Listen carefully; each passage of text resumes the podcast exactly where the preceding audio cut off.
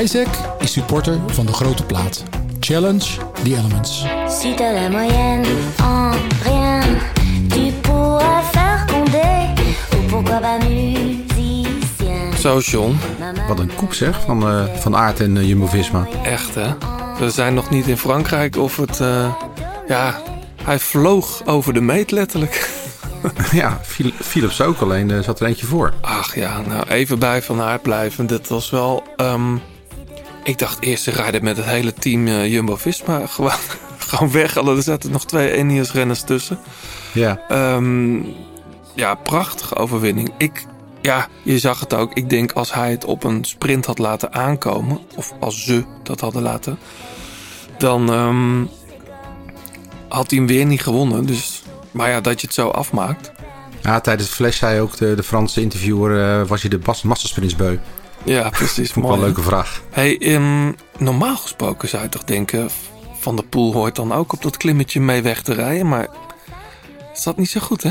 Ja, ik denk dat, dat het toch wel eh, echt een blitzkrieg was van, eh, van Jumbo-Visma. Dan een hoop renners daar geen rekening mee hadden gehouden.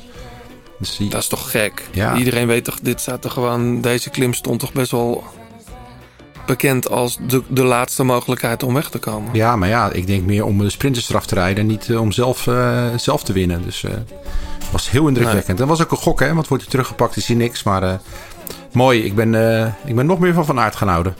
Na vandaag. Het zegt ook iets over de benen van wat er in het wiel van Van Aert zat. De benen van Hmm. Vingegaard.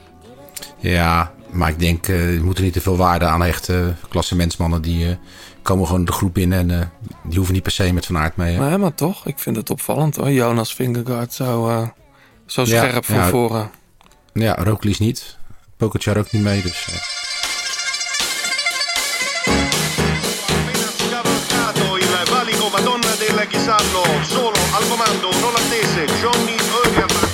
Dat is de liefde. De liefde voor de koers. Blijleven trok de sprint aan. Toen kwam John de Bravo eroverheen. En John de Bravo wordt de nieuwe kampioen van Nederland. Je luistert naar De Grote Plaats. Een podcast van oud-wielerprof en muziekjournalist John den Braber... en muzikant, zanger en wieler vanuit Blauwtsoen. Zij nemen samen de meest opmerkelijke gebeurtenissen in het profpeloton door... bespreken hun favoriete nieuwe muziek... en gaan op zoek naar het muzikale hart van renners... en het wielerhart van artiesten.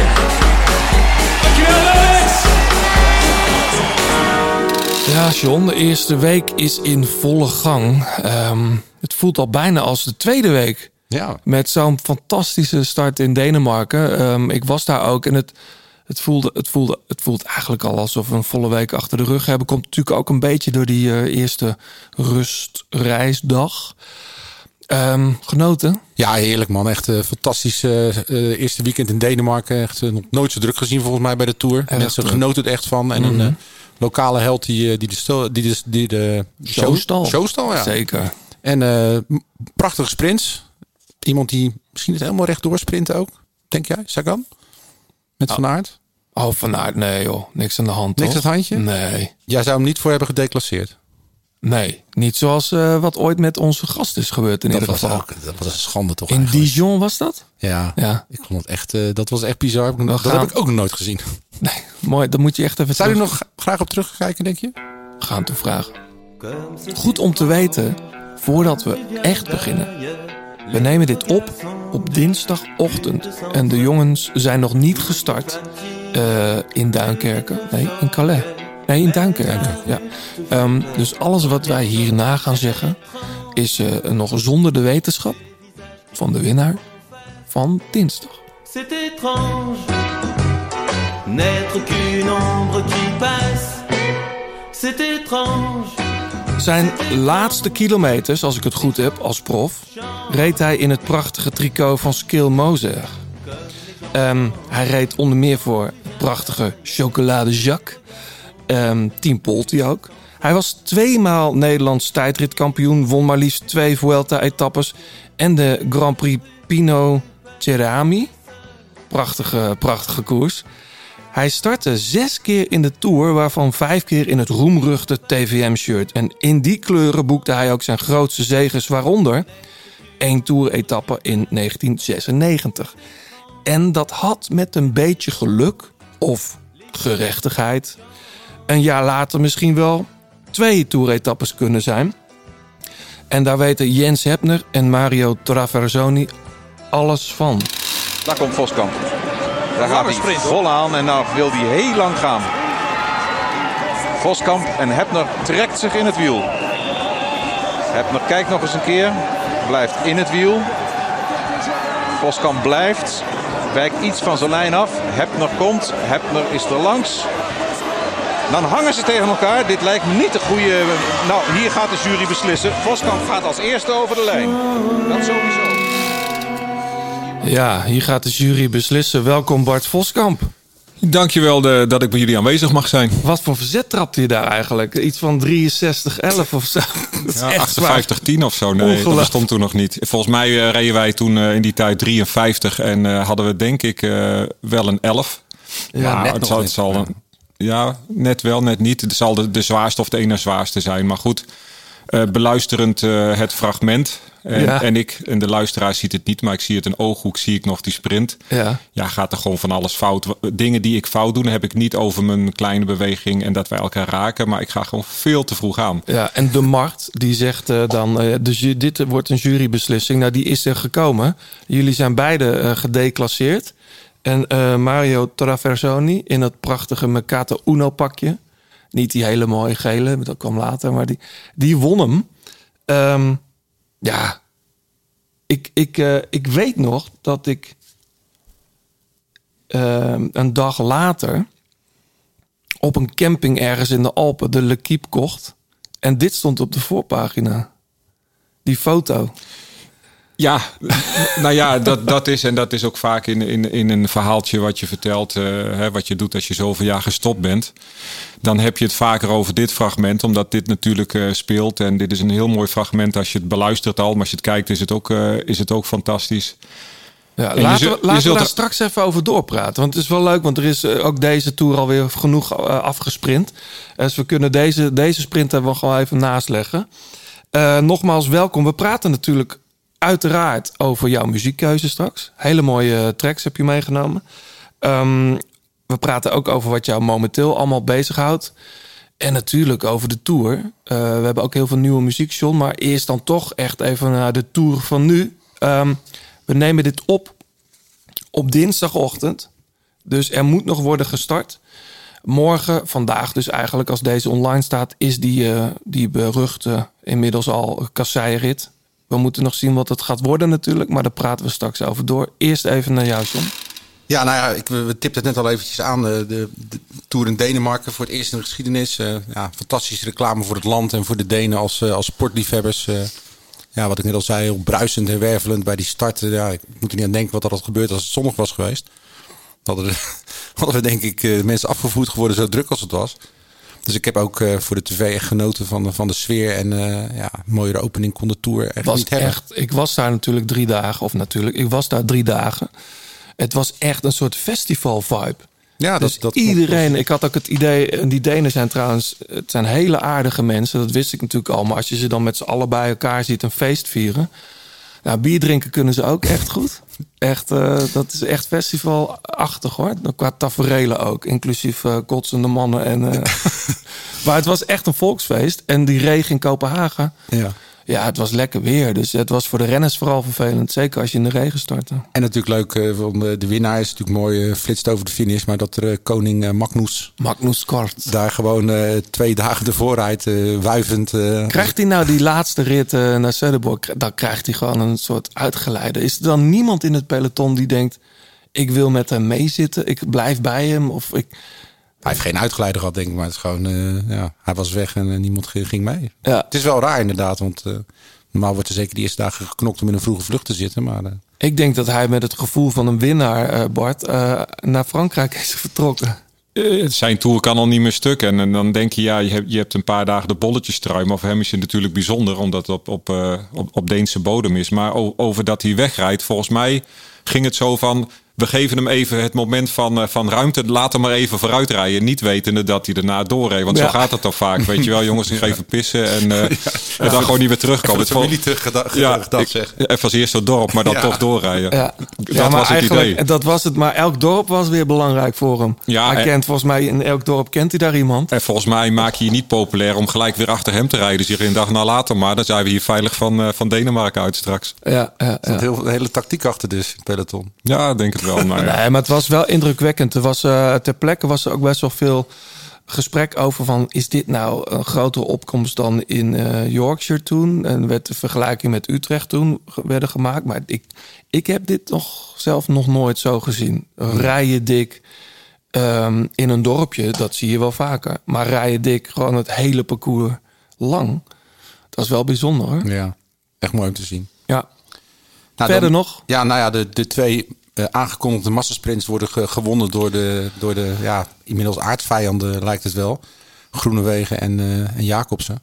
Ja. Ja, dat verzin je ook niet natuurlijk hè, van tevoren. Dat die gelijk allebei gewoon een rit winnen. Zeker na Nou, die... we hebben het volgens mij zelfs erover gehad dat Ja. dit, het, dit het, eh, het meest mooie scenario was. Ja, maar ja, je, je zou denken dat ze nu allebei een rit hebben gewonnen. Dat het een beetje, ja, een beetje kalmeert tussen de twee. Maar het lijkt wel of het alleen maar meer opgeleid is. eh bouwde uitspraken.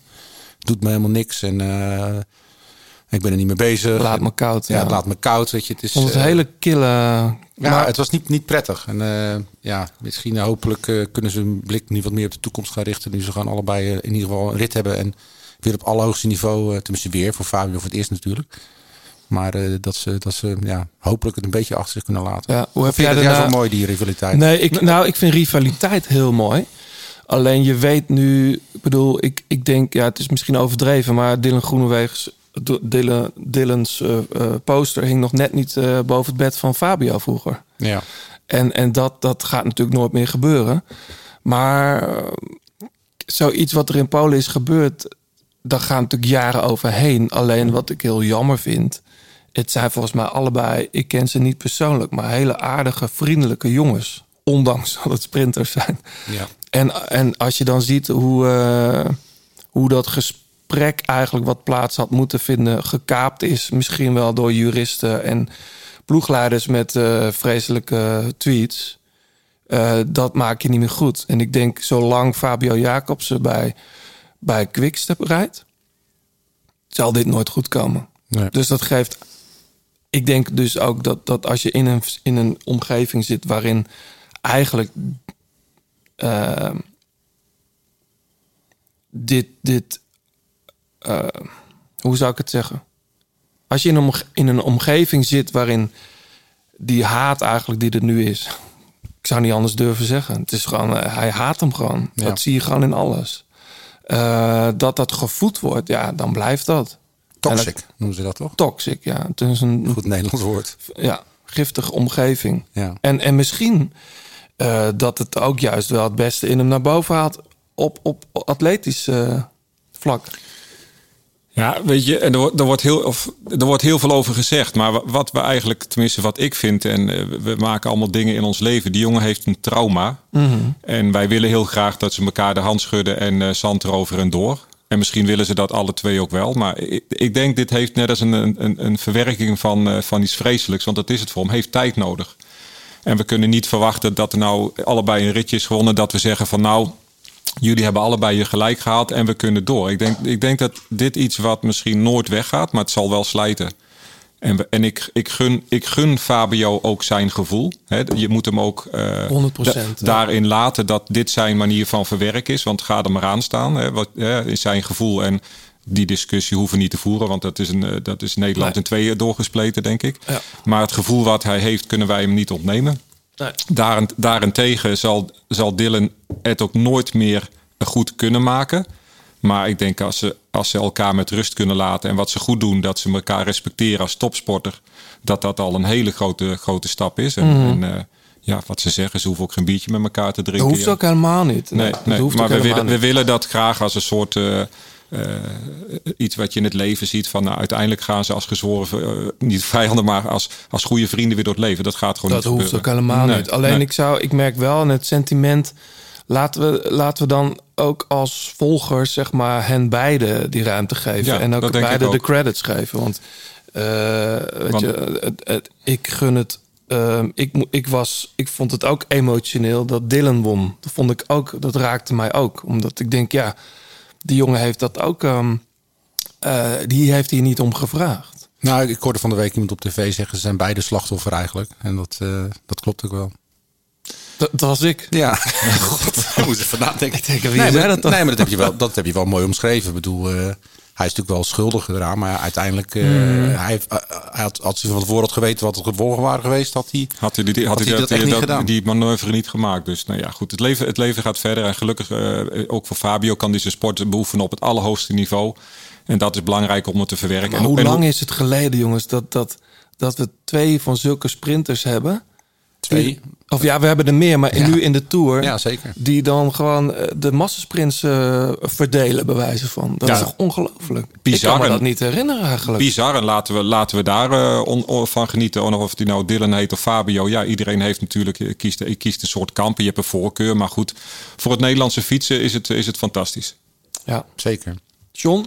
Ja, nou, ik heb hier een, eh, een Geert Mak-achtig dik boek Oh ja. Bij me van eh, eh, biografie van Jan Oerich, die ik eh, onlangs besteld heb. Geschreven door Daniel Freeby, een heel gerespecteerde Engelse journalist. Ja. En die is helemaal in het leven van Jan Oerig gedoken. En dat fascineert mij wel, want ik ken Jan van vroeger. Dat weet Bart natuurlijk ook wel. Wij kwamen ongeveer gelijk op. Ik heb veel met hem gestreden. Hij is later een hele goede profwielrenner geworden en ik niet. En hij heeft natuurlijk allerlei hobbels en dalen en, in zijn carrière meegemaakt. Dus ik ga het met heel veel plezier lezen. En ja, voor mensen die nog op vakantie gaan en lekker een, eh, een dikke pil eh, willen meenemen voor bij het strand, eh, denk ik een aanrader. Helemaal goed. Ik, ik zag hem volgens mij nog lopen. Hij doet volgens mij bij ITV ook iets samen met David Miller. Ja. Ehm, ziet er nog ongelezen uit. Ja, en hij heeft ook, eh, dit, is een Nederlandse vertaling dan. en de Engelse, de, de, de, de originele versie heeft de subtitel The Best There Never Was. En dat vond ik wel heel mooi. Lees jij nou ook altijd het liefst gewoon echt nieuwe boeken, John? Ja. ja. Heb, jij ook die neiging om dan even die blaadjes zo en dan te ruiken? Ja, zeker, Is ja. dat, is dat, doet iedereen dat nou? Of is dat iets van... Deze ruikt een beetje niksig. niksig? Nee. Nou, het boek ziet er in ieder geval niet niksig uit. Nee. Nee. De vrouwen, die strijden in Italië Ja. om de roze trui. En eh, gisteren hield eh Annemiek weer even huis. Ja, mooi klimmetje. Ja, want Garcia die ging aan. Dan dacht je, oei, nu gaat Van Vleuten eraf. En toen ging Van Vleuten aan. Oei, nu gaat Garcia Wat eraf. tof dat Garcia in het wiel bleef. Ja, ja dus eh, ja, fantastisch. En eh, mooie, mooie sprints gezien eh, met Balsamo en Vos. En Ja. ik, zij, zij juicht zo mooi, die Balsamo. Goed hè? Met die ene vuist omhoog Ja. van de pool op het WK veldrijden. Ja. Mooi, wat toen zij wereldkampioen werd, hadden we toch echt zoiets van... hmm, is dit wel een waardig wereldkampioen? Maar dat is, dat is er wel gebleken, ja. toch? Het is een beetje de Oscar Freire Ja, van het dameswielrennen. ja klopt. nou, dus, ehm, eh, nou ja, dus dat gaan we zeker nog volgen de komende dagen. Ehm, muziek, ik was op het Metropolis Festival ja man. in Rotterdam. Een sympathiek festival, Geen uh, gratis. Down the Rabbit Hole voor jou? Nee, Nee. nee ik, had een, eh, ik had een verplichting op zaterdag. En op zondag heb ik lekker eh, in het gras gezeten met een pilsje. En eh hele leuke line-up, waaronder eh, de Rotterdamse band Tramhouse. Tramhouse. Wie speelde er nog meer eigenlijk? Eh Hang Youth was er. eh, de Vices hebben we voor mij al een Ja, keertje zeker. gedraaid. Ehm, even kijken. Ja. Nou ja, veel bier gedronken. Ja, en Tramhouse dus. En Tramhouse.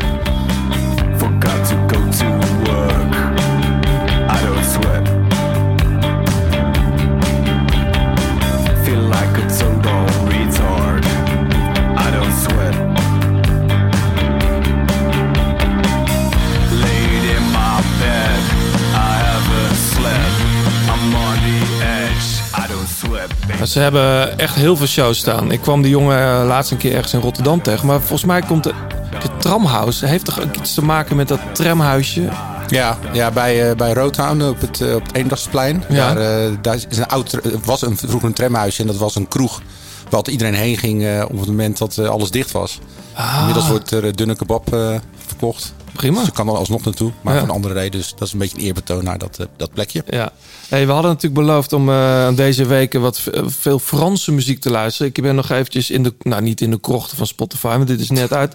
Eh, Carla Blanc.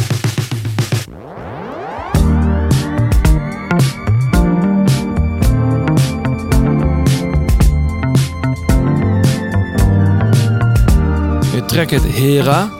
En dat doet ze samen met... Brochu. Une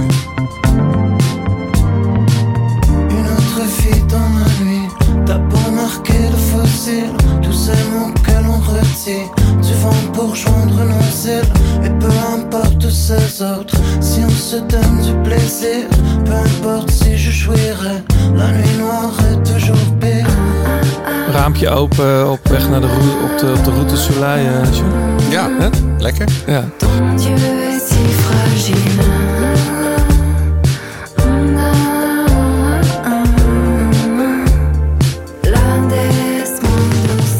Naar de reacties, eh, Bart. En dan komen we bij jou terug hoor. We zijn je niet vergeten.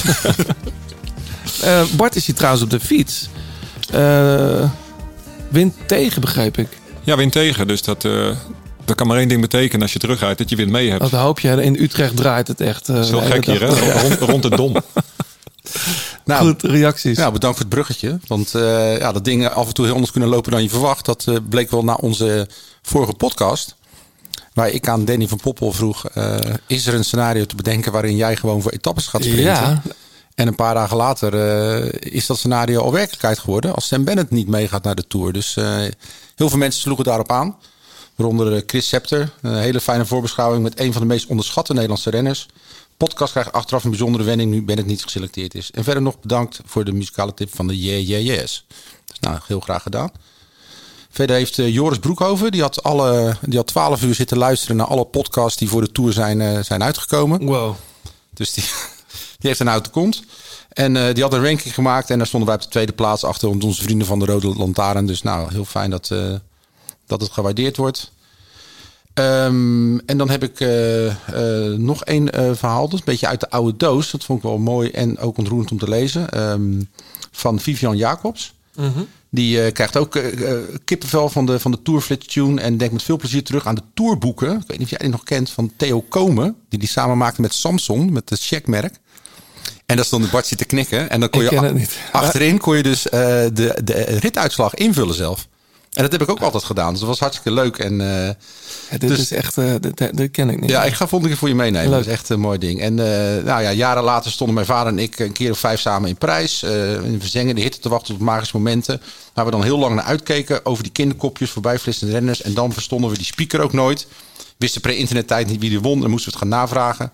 Dit wordt mijn eerste tour zonder mijn vader te kunnen bellen... om te bespreken hoe mooi die etappe was en hoe mooi de winnaar. Wie weet kijkt hij mee van ergens daarboven. Gelooft hij het zelf, dus eh, komende weken geloof ik dat ook graag. Dus Mooi. ja, heel mooi. Dus eh, ja, Vivian, als je, als je fietst of je vindt het sowieso leuk om een shirt van ons te krijgen, dan eh, sturen wij een mooi 36 Cycling shirt naar, je, naar je toe. Dus reageer even op de socials. En sterkte de komende weken. Je luistert nog steeds naar De Grote Plaat. Heb je tips of heb je een vraag? Laat het dan weten via Twitter, het Grote Plaat of Instagram.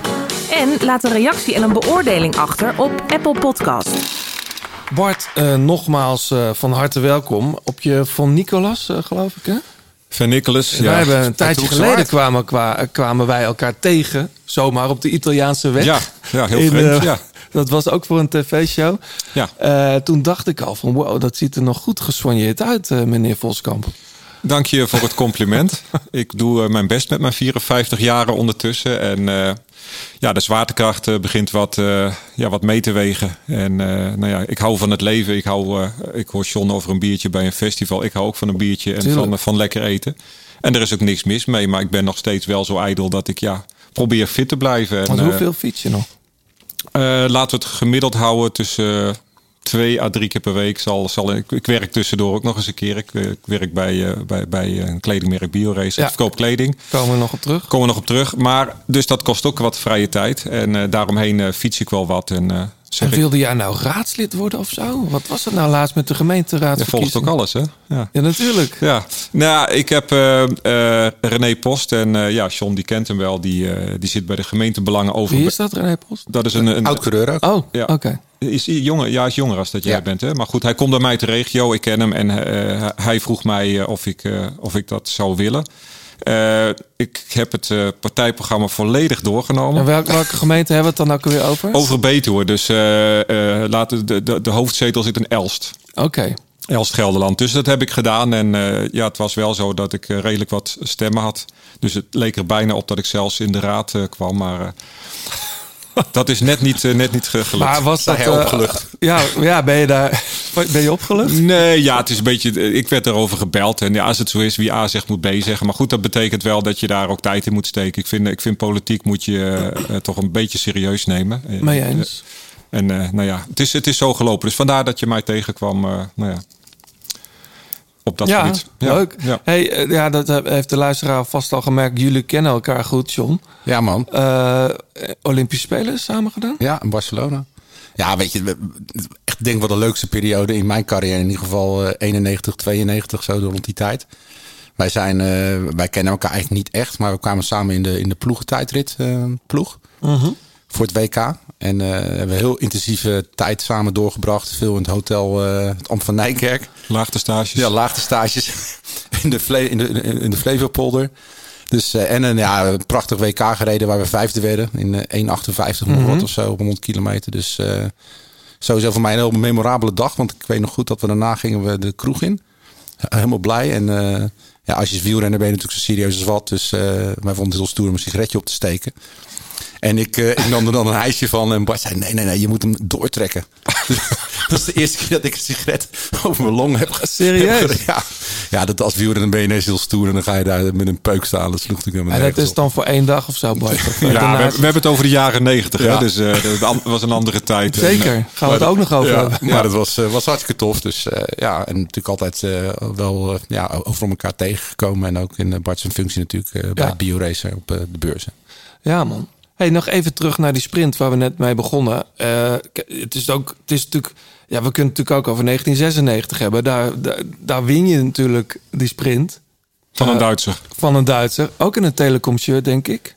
Ja, eh, nou ja, goed. Als ik even dan terug mag gaan naar 96, ga ik naar een, een sprint met Christian Hen. We zaten in een kopgroep van 20, waaronder Breukink en Jonker en Ja. Hervé. En nou ja, er zaten dan, nou ja, toch een aantal kopstukken bij.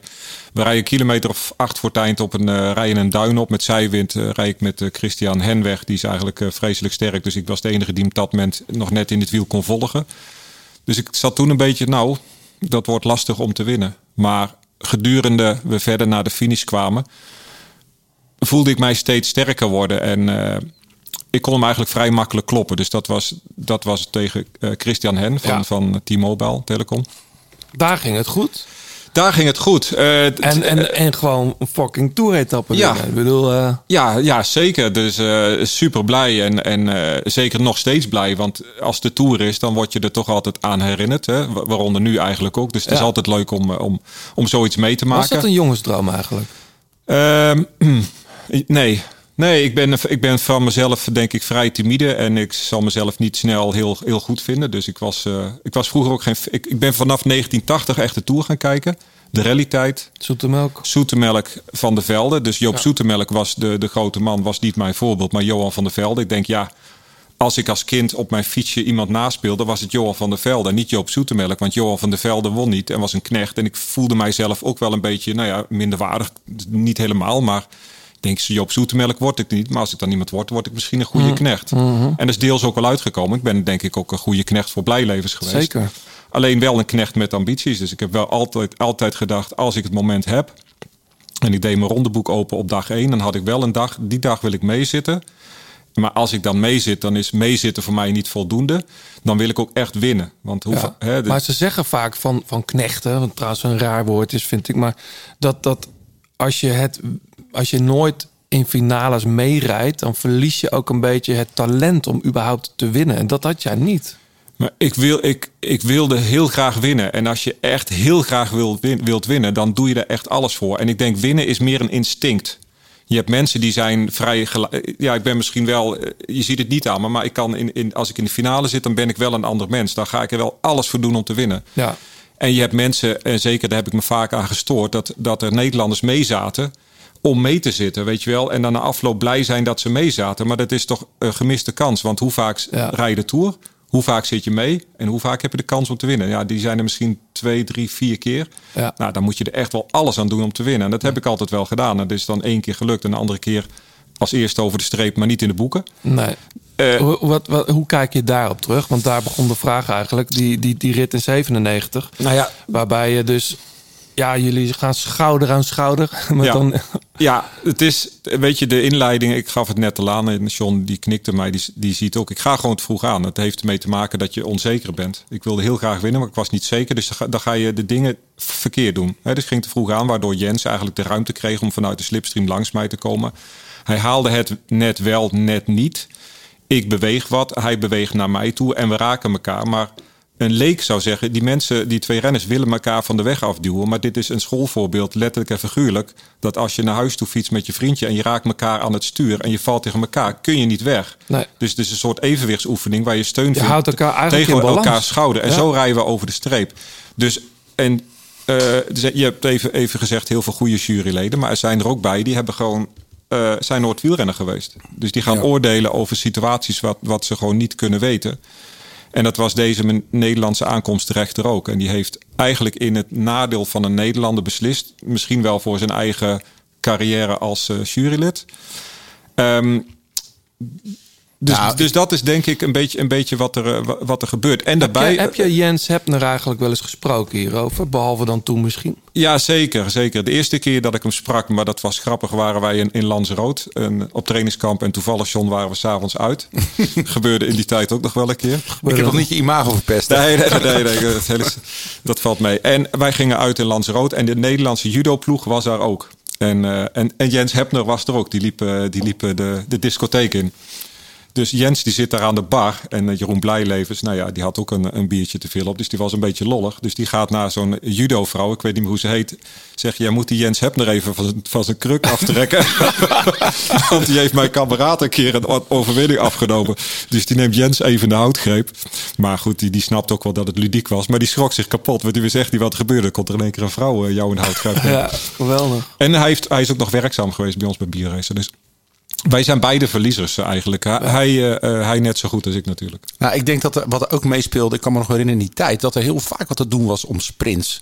Ze waren toen Ja. dat jaar super streng. Er werden heel veel renners gedeclasseerd als ze van een lijn of een week of. Nou, dat was die Dat- tour dus. ja. En dat, dat is ook nadelig voor mij geweest. Want ik weet niet, ja, jullie zijn allebei natuurlijk al lang het tour volgen. Mhm. Dat was de tour met Stils en Sabel. Dat Stils volgens mij in bidon naar Zabel gooit in Ja. een sprint. Uh, Kissepoe die deed hele rare dingen in de sprints. Dus al die massasprints, kun je je nog herinneren dat er een soort vergrootglas werd genomen. En dan gingen ze die sprinters allemaal volgen. Maar Jens en ik zijn geen sprinters. Wij waren twee renners die heel lang vooruit hadden gereden. Vanuit de kopgroep weggereden. Achter ons reed, eh, waren de mannen van de Rabobank. Hè, dus uh, Seurissen en Dekker.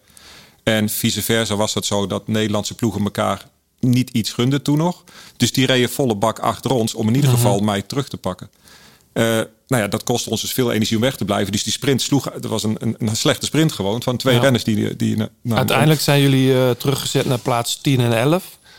Eh, Ja. In die etappe, ja, voor wat het waard is. Hè? Ja, het is nog, nog stommer dat er iemand wint die gewoon, die gewoon derde wordt en niks ermee te maken heeft. op 20 seconden achterstand. Ja, dat, dat vond ik het meest Ja. onbegrijpelijk. Je wordt allebei gedisqualificeerd. Dus dan zeg je, je doet allebei iets fout. Maar dat is toch heel gek? Ja. Ja, als het dan één was, dan kun je erover discussiëren. Maar het vervelende was, als ik, eh, als ik nog eh, Mhm. dat mag aanvullen... Zeker. dat ik en Guido van Kalster, de ploegleider, daar eh, wat van vonden. En dat wij boos waren en wilden, eh, eh, een klacht wilden indienen... Over, over het feit dat wij gedisqualificeerd waren. Toen zei Martin Bruin, dat was de, de aankomstrechter... van nou, kom mee naar het hotel... Eh, daar is de juryvergadering. We gaan de beelden erbij pakken. Kom binnen. We gaan er samen naar kijken. Mhm. Nou, wij zijn apart gezet. We hebben een half uur gewacht. En ze zijn gewoon naar het hotel gegaan. En ze hebben niks meer van zich laten horen. En dat vond ik echt heel slecht. Want je ontneemt wel een topsporter een unieke kans. Ja, man. Eh, dus dus dat, dat was het, eh, Ja. het meest vervelende Heb, eigenlijk. heb jij me later nog wel eens over gesproken? Eh, nee, ook dit met de pers. Want toen was de ronde van Pijnakker was toen. En eh, was er een, een cameraploeg opgetrommeld. En eh, ze hadden Martin denk ik al, al ingelicht van... we gaan jullie even elkaar koppelen. En we gaan een hand, hand geven, zand erover. Nou, het geval waar we mee starten met die twee sprinters... zo werkt dat niet. Dat heeft tijd nodig. Ja. En voor mij komt het ook niet meer goed. Maar goed, ik hoef ook geen biertje met hem te drinken. nee, maar dat hoeft dus ook helemaal niet. Nee. Conflictvolle aflevering. Ja. Hey, over biertjes gesproken. Ehm, Bruggetje. wanneer heb je Kees Prima eigenlijk voor het laatst gesproken? Over. Eh, goh. Nee, over biertjes. Over biertjes. Nee, oh god, ik, eh, ik denk eh, 1999 of zo een keer. En daarna Ja, ja, nou, ik denk, denk de laatste keer eh, 99, want eh 98 hadden we natuurlijk die eh, spraakmakende tour.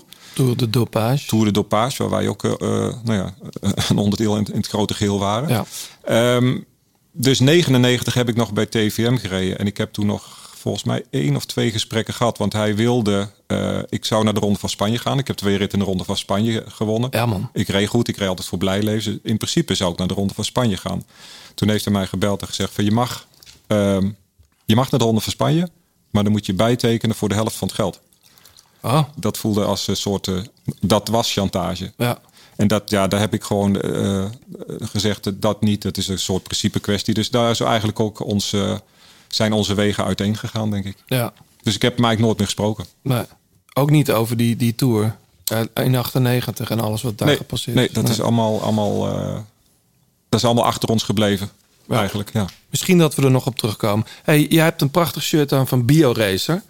Eh nou zag ik eh, dat Ineos, die rijdt tegenwoordig ook met, met, met BioRacer. Heb je daar dan ook iets mee te maken? Ik zelf niet. Buiten dan dat ik het in mijn salesgesprekken meeneem dat Ineos ook met, eh met Ja, rijdt. ja. Maar nee, eh, eh, nee, z- zijdeling, of tenminste, ik hoor daar natuurlijk wel van. Maar goed, daar zitten andere mensen bij ons vanuit België die, eh, die, die renners aankleedt en test en eh, spullen geeft. En eh, nou ja, het beste eruit haalt voor beide om, om daar iets mee te doen natuurlijk. Want Ja. kledings, eh, kleding schenken is één ding, maar ja, je moet er ook iets mee gaan doen. En dat is, dat is het idee dat uiteindelijk eh, wij, ja, jullie hebben een ander merk, ook een goed merk, 36. Zeker. Maar eh, uiteindelijk maken wij ons voordeel er ook mee naar, naar de klant eigenlijk. Dus. Ja. En, maar, en wat, zijn- wat, waar zijn jullie dan mee bezig? Want er is een hoop te doen over die snelpakken en zo. Ja, hè? we hebben al, iedereen heeft het snelste pak tegenwoordig, als ik het zo lees. Wat, wat, wat Eh, kostte dat van Mathieu ook? alweer?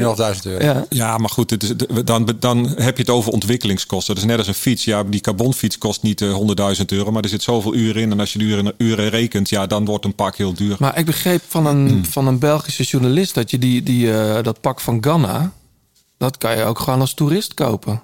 Of bestellen in ieder geval je, kunt, je kunt bij ons, kun jij inderdaad... eh, wij- ja, het is een heel ingewikkeld verhaal. Kijk, eh, eh, eigenlijk als je het goed wil, daan, goed wil doen... ga je als renner een windtunnel in met allemaal verschillende stofjes. Want een Ja. stofje op jou kan anders uitpakken als een stofje op mij. Hmm. En dan heb je bijvoorbeeld stofjes die op jou... Denk even aan een tijdrithouding... Eh, we hebben niet helemaal beeld erbij, maar je ligt in je stuur en je hebt je, je, je spierbal zeg maar verticaal. Daar kun je bijvoorbeeld een ander stofje op gebruiken als een stuk van je onderarm wat weer horizontaal ligt. Ah, ja. En dat heeft ook allemaal met naden, eh, gesielde naden te maken. Het heeft te maken met bijvoorbeeld. eh, het is ook heel gek, want wij vinden een rits op de rug het allerbeste. Maar Ganna wilde per se de rits aan de voorkant, omdat hij zich daar prettig bij voelt. Ja, dan heb je dat wel te respecteren. Dus eigenlijk zeg jij, die rits van Ghana aan de voorkant maakt hem niet sneller. Maakt hem niet sneller. Maar misschien is dat geestelijk voor hem zo belangrijk dat hij zich er zoveel beter bij voelt dat hij toch weer harder fietst. Dus, ja, het gaat allemaal over data tegenwoordig, denk ik. Maar, maar wanneer is die omslag dan gekomen? Want ik kan me voorstellen, in onze tijd, wij, wij reden de, de ploegentijdrit in Barcelona met, met een stuur, dat was voor mij 40 centimeter breed. Ja, maar dat, dat, ja. ja, dat- weet je, dat- dan hebben we het. eh, ja, John, we zijn ouder, maar wij zijn. eh, voor ons voelt het nog niet als heel lang geleden. En dan denk ik in onze tijd dat we niet eens in de windtunnel hebben gezeten. Mhm. Dat we niet eens een pak hadden wat getest was, wat het snelste was. Wij reden toen met een stuur waar je je ellebogen bij uit elkaar zetten. Nou, Ongelooflijk. iedereen bedenkt dat je tegenwoordig, hè, je moet je schouders moet je smal krijgen. Ja, we hebben hier hoofd- Arendsman gehad op zijn op zijn tijdritfiets. Ja, dan En- weet je en dat. Ellen. Dan weet je gewoon dat alles moet gewoon helemaal in elkaar. Ge en wij zaten eigenlijk als een, ja, heel, heel breed, heel stoer op zo'n fiets. Omdat dat, ze dachten Ja, dat maar ik zag, was. ik zag van de week nog eh, beelden van Leon van Bon... die een tour-etappe wint. Dat, dat, dat shirt, dat wappert alle kanten op. Het is nog net geen rok. Ja, Of een jurk. ik, ik, ik had toen ik een 96 won. En dat, als je dan de herhaling kijkt. Ik had een, eh, eh, ik had, we hadden geen helm. Hè, dus eh, nou ja, dat is vreselijk uit. Maar wij, wij droegen geen helm. Sommigen wel. Eh, een enkeling droeg Ja. hem al wel. Maar 90% droeg Ik hem vind het niet. wel een classic outfit hoor. Die, ja, met dat petje en dan TVM-shirt. Volgens Ja. mij zo'n groene gezelle, of niet? Ja, de groene gezellen zat. Nou, toen was het volgens mij geel, rood, Oh, die groene is blauw. dan... Die, die, die groene kwam later. Het was, Was- was titanium. Dat kwam maar eind, Ah, ja. eind 90. Maar toen was het nog een, eh, was wel een, een, Duitse aluminium fiets. Wel van gezellen. Stond er gezellen op. Ehm, en ik kom inderdaad over. Ik had dus een petje op omdat ik dat fijn vond met, Ja. met het zweet. Maar omdat het dan warm was, had ik de bovenkant eruit gek- geknipt. Dus, dus een pet in het Vlaams is klak. Dus het was een klak cabriolet. En als je dan die... die De beer- klak cabriolet. ja.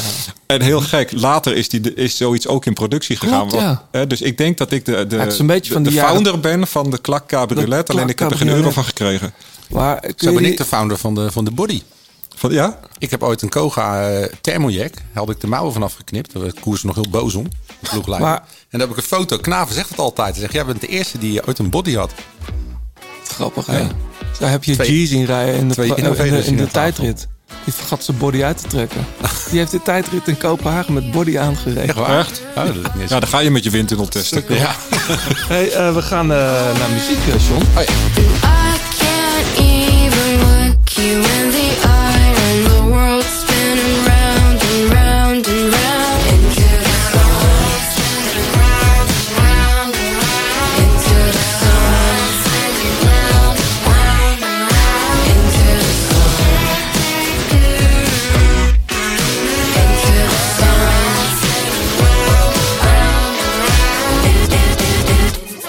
Poisson. La terre semble si frêle d'ici. Klak cabriolet.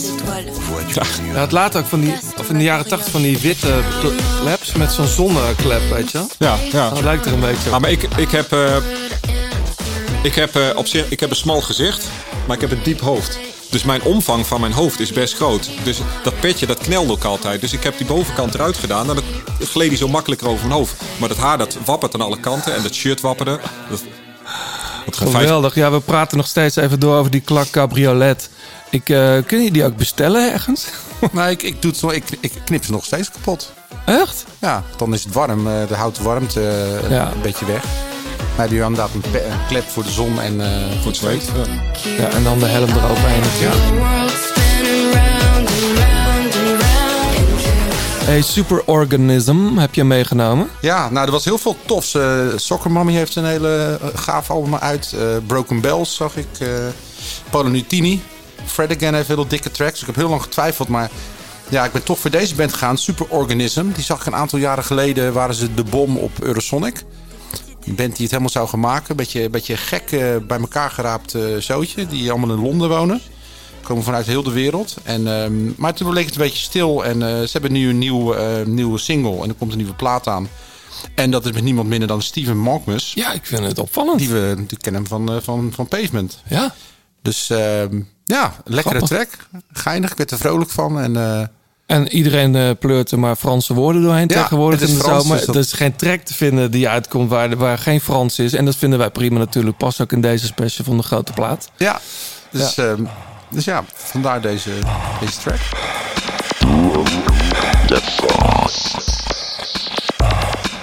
Jongens, we gaan even terug naar de tour. Ehm, jij zei al net, eh, John, eh, heel mooi openings... Een openings, eh, ja, een lang weekend in, in, in Denemarken. Magnus Kort al even kort over gehad. Eh, wat zijn je favoriete momenten tot nu toe, Bart? Oeh, dat is, eh, dat is lastig. Eh, Kijk, je hebt, je hebt natuurlijk het verhaal van de dag. En er gebeurt in mijn beleving als, als, als oud-renner gebeurt... eh, kun je kijken naar, naar, naar kleine dingen als fietsen, naar kleding, naar de omgeving, et cetera. En dan bouwt het zich altijd op naar zo'n finale. En dan begin je in de, inderdaad te kijken. En dan wordt het lastig, want je wil het liefst eigenlijk het overzicht houden van al die treintjes. Maar je hebt tegenwoordig meerdere treintjes. Vroeger had je, reden wij als TVM op kop of T-Mobile of, eh of van Mercatone Uno. Dat was dan de, de, de ploeg. En de rest ging erachter zitten. Je hebt nu al die treintjes naast elkaar. Dus het overzicht is heel slecht. En dan ga je zo'n finale in. En dan focus je je op iemand. Hè? Dus, dus in dit geval op Fabio of op Dylan. Maar dan moet ik hem wel vier keer terugkijken. Omdat ik elke keer wil kijken waar, wie waar vandaan komt. En waar die strand en waarom die strand. Had hij de snelheid gehad om te winnen? En dat maakt het ook... Zoals die bocht van Fabio. Ja, zoals die bocht van Fabio. Als die daar die fout, want het is gewoon ja, toch denk ik een beetje een fout. Je kunt niet overal wat aan doen. Maar als hij die snelheid wel meeneemt in die sprint, had hij dan wel gewonnen. Heb je die bocht van Sagan gezien daar? Ja, die doet het wel handig. hè? Ongelooflijk. Ja, maar die man, is, die man is zo handig. Dus zo'n Sagan is ook altijd leuk om te kijken. Om, die doet allemaal dingen. Ja, of het nou wel of niet mag. Die, die is zo handig op de fiets. En dan eh, zet hij zijn elleboog weer in iemands kont. En die duwt hij weer weg. Ja. Ik had trouwens je- niet verwacht dat hij, dat hij toch... Kijk, hij wint dan niet, maar hij doet wel steeds mee. Dat had ik toch Maar hij is, niet, verwacht. hij is niet snel meer. Hij, hij, hij is gewoon nog steeds super handig. En hij wil heel graag winnen. Hij komt snelheid tekort. Dus hij zou een keer kunnen winnen als de rest er niet meer aanhangt. Of omdat die, dat de rest onderuit gaat of in elkaar hangt. Maar puur op snelheid zal hij niet winnen. Mhm. Ja. Maar, maar het maakt hem wel een interessante renner. Alleen ga er maar mee om, hè? Ga er maar mee om dat er altijd iemand Ja, we links nemen of dit rechts op, eh, op, zit. op dinsdag voor de etappe op, hè? dus let op. hè. Je weet maar nooit. Misschien heeft hij net, heeft hij net gewonnen. Maar op snel, ik zeg alleen op snelheid, puur op snelheid zal hij niet winnen. Nou ja, won de Dauphiné toch ook een rit? Zwitserland, ja. Zwitserland, maar sorry, dat ja. is een soort van afspraak. Nee, dit is geen afspraak. Dat is afgemaakt, Nee, als- nee. het is geen afspraak. Maar ik bedoel, hij wint daar altijd een rit. En dat is geen garantie voor een goede tour. Nee, bedoel, maar zo bedoel ik het. Nou, misschien moeten we het anders zeggen. Hij is niet de snelste sprinter van de wereld. Nee, Meer. verre van. Nee, er, moet, er moet wel een list gebeuren. Ja, er moet iets gebeuren waardoor hij kan winnen. snel aangaan of inderdaad eh, dat anderen ingesloten zitten. Maar Ja. Een paar bochtjes. ik weet zie hem best wel, eh, best wel nog kans maken deze Tour hoor. Hey, John, jij was echt onder de indruk van eh Lampie, hè? Lampaard. Ja man. Ja, ik, jij was helemaal emotioneel. Nou, dat... eh, Dat, zo, zo leek het op de app in ieder geval. Oh ja, nee, omdat ik een, eh, ja, ja, weet je, ik, ik, ik hou van de, van de underdog story. Ja. En ehm, ja, iedereen gaat natuurlijk over. Ik had zelfs die deze op Sportzaal zelfs een beetje teleurgesteld waren dat, eh, dat koning van aard niet won. En ja, dus ik, ik, ik vond het mooi. Ik, ik, ik, ik, vind het een mooie renner. Ik vond het ook wel mooi dat hij zei van I'm just a farmer's son from Belgium. Denk van ja, ik heb, denk dat er meer boerenzonen rit in de Tour hebben gewonnen dan zonen van notarissen. Want het is gewoon, een- ja, het is gewoon een boerensport. Ja, Ja. Dus dat zijn me niet zo heel veel. Die, maar die overwinning werd echt gevierd alsof ze de Tour wonnen. ja, Ik jij zat- was daarbij natuurlijk. Ik zat in het hotel en zij hadden een, een eh, zoals al die ploegen, Kofi die zat er ook nog een Mobistar geloof ik. En die hadden een aparte ruimte waar gegeten werd. Maar dat duurde en duurde maar. En de, de, ik zag de obers naar binnen lopen met weerflessen en eh, weer. En, en om het kwartier werd er keihard gejoeld en gejuicht. Ik dacht, oh, dat is hartstikke mooi natuurlijk, die gele trui. Maar het leek echt alsof ze, ja, alsof het, eh, alsof ze naar huis konden. Maar ik hoorde ook van jou dat jij gewoon met, met, met Lampaard in de lift hebt gestaan. Ja, en dus nou, in de op, de, op de trap eh, naar de lift eh, heb ik hem nog even gesproken. Maar het was... ehm, je, je doelt een beetje op die coronamaatregelen. Nou ja, dit wordt over een bubbel gesproken. Maar als ik zie dat overal alles Ik- om elkaar heen loopt. En, eh, De Covidis-renners werden tegenover mijn kamer gemasseerd. Daar liep, liep je gewoon mee in de gang. ja. Eh, niks mis mee trouwens hoor, want iedereen houdt wel gewoon afstand. Maar het is niet, eh, het is niet de bubbel. Ik bedoel, journalisten en, en me- mediamensen lopen natuurlijk ook gewoon overal los in Ja, ja, tuurlijk. Maar goed, eh, maar het was wel mooi. Vandaag dus woensdag eh, de kasseienrit, John. Ja. Ehm, hebben we het al kort even over gehad. Kun je, de, kun je ons er nog heel even doorheen nemen? Eh, 155 kilometer naar Arenberg dus. 11 stroken. 20 kilometer in totaal. En vooral ja, als ze eenmaal beginnen die keien, dan zit er elke een kilometer of drie, vier tussen. En dan gaan ze weer. Dus eh, echt, echt herstellen en iets goed maken, dat wordt heel erg moeilijk. Hangt toch heel erg af, af van het weer ook. En hoe er gekoerst wordt. Maar, eh, Volgens mij is het prima weer. Ja, maar ja, de, de mensen die natuurlijk eh, dit in hun agenda hebben omcirkeld, die gaan oorlog maken. Dat is natuurlijk logisch. Dus eh, Ja. het gaat sowieso eh, vlammen daar. Dus, Wat denk jij Bart? Ga je... Ja, het wordt een vreselijke rit. Als je Parijs-Roubaix hebt, dan heb je allemaal renners die kunnen over de stenen rijden. En een gedeelte daarvan rijdt voor een kopman. Maar in dit geval heb je renners van 55 kilo die er eigenlijk niet overheen komen. En die, moet, en die moeten wel van voren afgezet worden. Dus die stuiteren allemaal alle kanten op naar achteren. Het wordt echt een gekhuis. Ik ga er graag naar kijken omdat het spektakel is. Maar als je renner bent en je, je hebt een kopman van 55 kilo... dan wordt het echt een vreselijke dag, denk ik. ja, het, En- wordt, het wordt richting de stroken paniek en nervositeit. Van wie gaat eerst Valpartijen, dat is gewoon vreselijk. op de strook het gevaar van pech. Ja. En na de strook, wie heeft er nog wat over om volle bak door te rijden naar de volgende? Ja, en er gebeurt gewoon altijd wel iets. Eh, elk jaar eh, kan me nog herinneren met Froome, die, zelfs letterlijk uitviel daar. Mhm. Groenewegen brak daar volgens mij een keer zijn bekken of zo, dat, eh, dat ene jaar. Dus eh, die, kei- die keienrit. Dus het is altijd Mensen wel- gaan over de limiet. Ja. En, en eh, de- waar je anders zou zeggen van nou hier trek ik even in mijn rem, kan dat nou niet. Want je hebt, je hebt zo'n verplichting naar je kopman dat je wel moet. Ja, ik, ik, ik, ja, ik ga er naar kijken. Ik kijk er naar uit, maar het is toch een hele gekke etappe, denk ik. Jij bent blij dat je op de bank zit. Dat je het zelf niet hoeft te doen. Nee, nou ja, ik kon redelijk over stenen rijden. Maar stel je voor, de, kijk, als je een hele goede, zo'n Roglic, ja, die, die zou, en, en Pogacar, die kunnen er denk ik wel. Ik denk dat die in principe er goed overheen komen. Maar wat we zeiden, als je een Colombiaanse kopman hebt, eh, hoe, hoe ga je daar doorheen rijden? Ja. Ja, dit is toch de week even los van vrijdag. Hè? Want vrijdag gaan we naar Superplanche. Ehm, waarin Jumbo moet proberen toch een soort van met 1-0 voorsprong te komen. Ja, Het, het, wo- ja, ik, ik, ik kijk ernaar uit. Zo'n eerste bergrit, en dat weten we ondertussen ook, is altijd anders als dat je al vier, vijf, zes dagen door de berg hebt gereden. Dus op die dag kun je dus ook heel veel verliezen. Eh, nee, maar dus bedoel ik deze ritten nu naar Longwy en de Kassei-rit. Dat zijn dan toch ook de ritten waarvoor je Van Hooijdonk en, en Laporte hebt meegenomen. Ik neem het aan voor wel, toch niet voor in de bergen. Hè, dus dus het, uiteindelijk hebben ze, eh, ja, ik weet niet hoe jullie daarnaar kijken, hebben ze voor de bergen niet de allersterkste ploeg. Maar dan is de vraag, heb je die dan ook wel nodig in de bergen? Hè, want je, eh, als je goed bent, hoef je alleen de betere te volgen en op het laatst toe te slaan. Nou, je hebt toch ook mensen die in het begin op kop moeten rijden? Ja, ja, Kruiswijk is echt goed in orde. Sepp Koes weet ik eigenlijk Dat weet niemand. Maar ik denk dat Laporte nog wel lekker, lekker lang meegaat hoor. Bergop. Ja, van Aert in principe ook. Ja, Die, heeft- ja die zeker. in de ja. vorm van vorig jaar. Precies, als hij de vorm van vorig heeft, kan hij heel lang mee. Maar dat, de- hij is natuurlijk geen klimmer. Maar als hij super in vorm is, dan kan hij klimmen. Hey, nog even naar die kasseien. Mathieu is nog niet super, zegt hij zelf. Weet wel gewoon vijfde in Kopenhagen, maar hij vond het Had eh, slechte benen, maar wordt vijfde in de proloog. ongelooflijk, toch? Ja, Ja. nou ja wat, wat zegt dat als hij goede benen heeft? Ja. Hij weet het zelf het beste, denk ik. Hij, heeft- ik vond wel dat hij heel veel van achteren reed. En dat is, als je van achteren rijdt, dan ben je ook niet helemaal je benen aan het sparen. Volgens mij ben je dan met je hoofd er niet helemaal bij. Dus het viel mij op dat hij wel heel erg achteraan reed. Ja. Want achteraan rij je je benen kapot.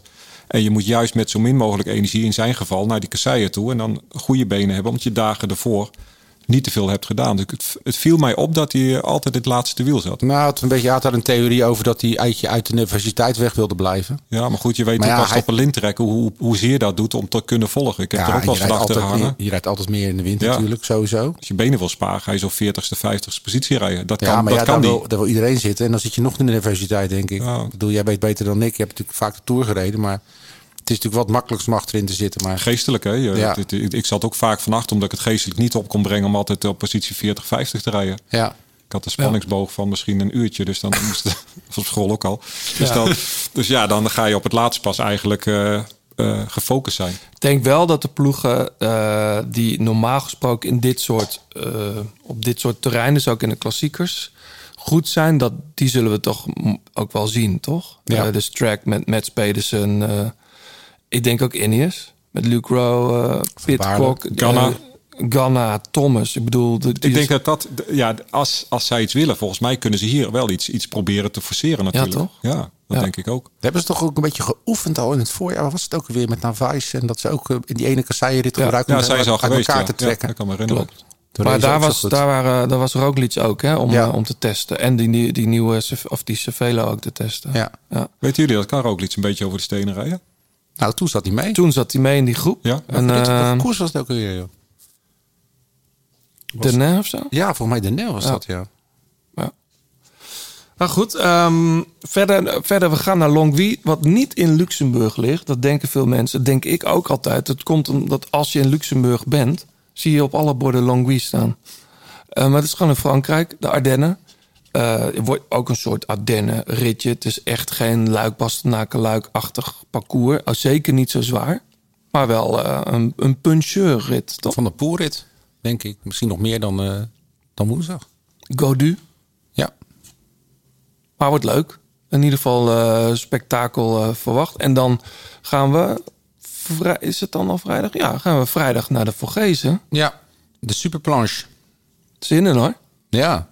Dat is toch wel spannend. Zou het meespelen dat Roglic daar zijn, eh, zijn, zijn slechtste wielerdag ooit had? Natuurlijk. Je kan toch niet 's ochtends opstaan en daar niet aan denken, Bart? Ik weet het niet. Ik, ik weet niet hoe hij in elkaar is. Ik vind het een coole kikker. Volgens mij is hij is die niet zo van het, van het denken en eh, hij is meer van het doen, volgens mij. Volgens in ieder mij. geval heeft hij gewoon een helm op. Ja. Dat scheelt al. Nee, toch? Nee, maar dat moet je, dat, daar ligt gewoon... Ja, daar lag al wel wat wielergeschiedenis. Maar Mhm. sinds Pogacar daar won... Is dat, dat staat er gewoon bijna... Het staat nog bijna niet in het asfalt gedrukt als je daar fietst. Ja. Ja, ben- ja, ben benieuwd. Denk je dat, eh, dat het daar al gaat gebeuren tussen de toppers?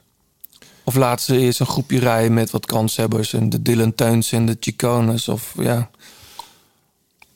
het, het, het gekke met zo'n tour is, het, het kan het kan elke dag gebeuren. Dus dat is het zware van de klassementsrij. Je moet, e- je moet elke dag gefocust zijn. En op het moment dat jij denkt van nou hier zal het misschien wel meevallen, dan ben je dan. Je moet continu de focus hebben. Dus dat kan inderdaad in zo'n rit al zijn. Als je gewoon één mindere dag hebt en je, je verliest wat tijd. Tour wordt beslist eh, tegenwoordig gewoon met soms een 10, 20, 30, 40, 50 seconden. Dus je, je kunt geen slecht moment hebben. Ik, ik denk dat die renners echt voor, voor die, Roubaix- die Parijs-Roubaix-rit, om het zo te noemen, dat ze daar allemaal de meeste schrik voor hebben. Omdat je het niet zelf in de hand hebt. Ja. Kijk, als je naar een berg toe rijdt, heb je goede benen, ben je mee. Heb je slechte benen, word je eraf gereden. Kun je vrede mee hebben. Maar Ja. de onwetendheid of jij op de eerste strook een lekker band krijgt, kun je gewoon je tour verliezen. Nou, de factor, factor pech speelt echt een hele grote rol. Ja, Veel meer dan... rij je een keer de sloot in, weet je wel. Je, rijdt van die rug van die, van die kasseien af en je rijdt een sloot in en je staat één keer stil. Het is gedaan. Vooraan Ja. trekken ze vol door. Ja, Dus- maar dat is een ander soort spanning. Want ik denk, als stel, oké, eh, we hebben de kasseirit gehad en we, we, je staat s ochtends op en we, je weet de finale straks de planche de Belleville. Als het daar niet lukt, ligt het dus wel aan jezelf. Dan ligt het aan jezelf. Dan En, wordt het, en die druk is juist ook best wel hoog. Ja, ja, want omdat je gewoon. eh, dat is ook de eerste echte bergrit. Hè? Wat ik al zei, als je al vier dagen in de berg hebt gereden, op een gegeven moment zie je in zo'n grote ronde. Dat is drie, vier overschieten. Dat zijn altijd dezelfde. Dus dan weet je van. Die, die renners weten dat van tevoren. Die blijven dan daar wel aanhouden. Maar zo'n Ja. eerste rit. Kan maar zo zijn dat je een slechte dag hebt en gewoon anderhalf minuut verliest.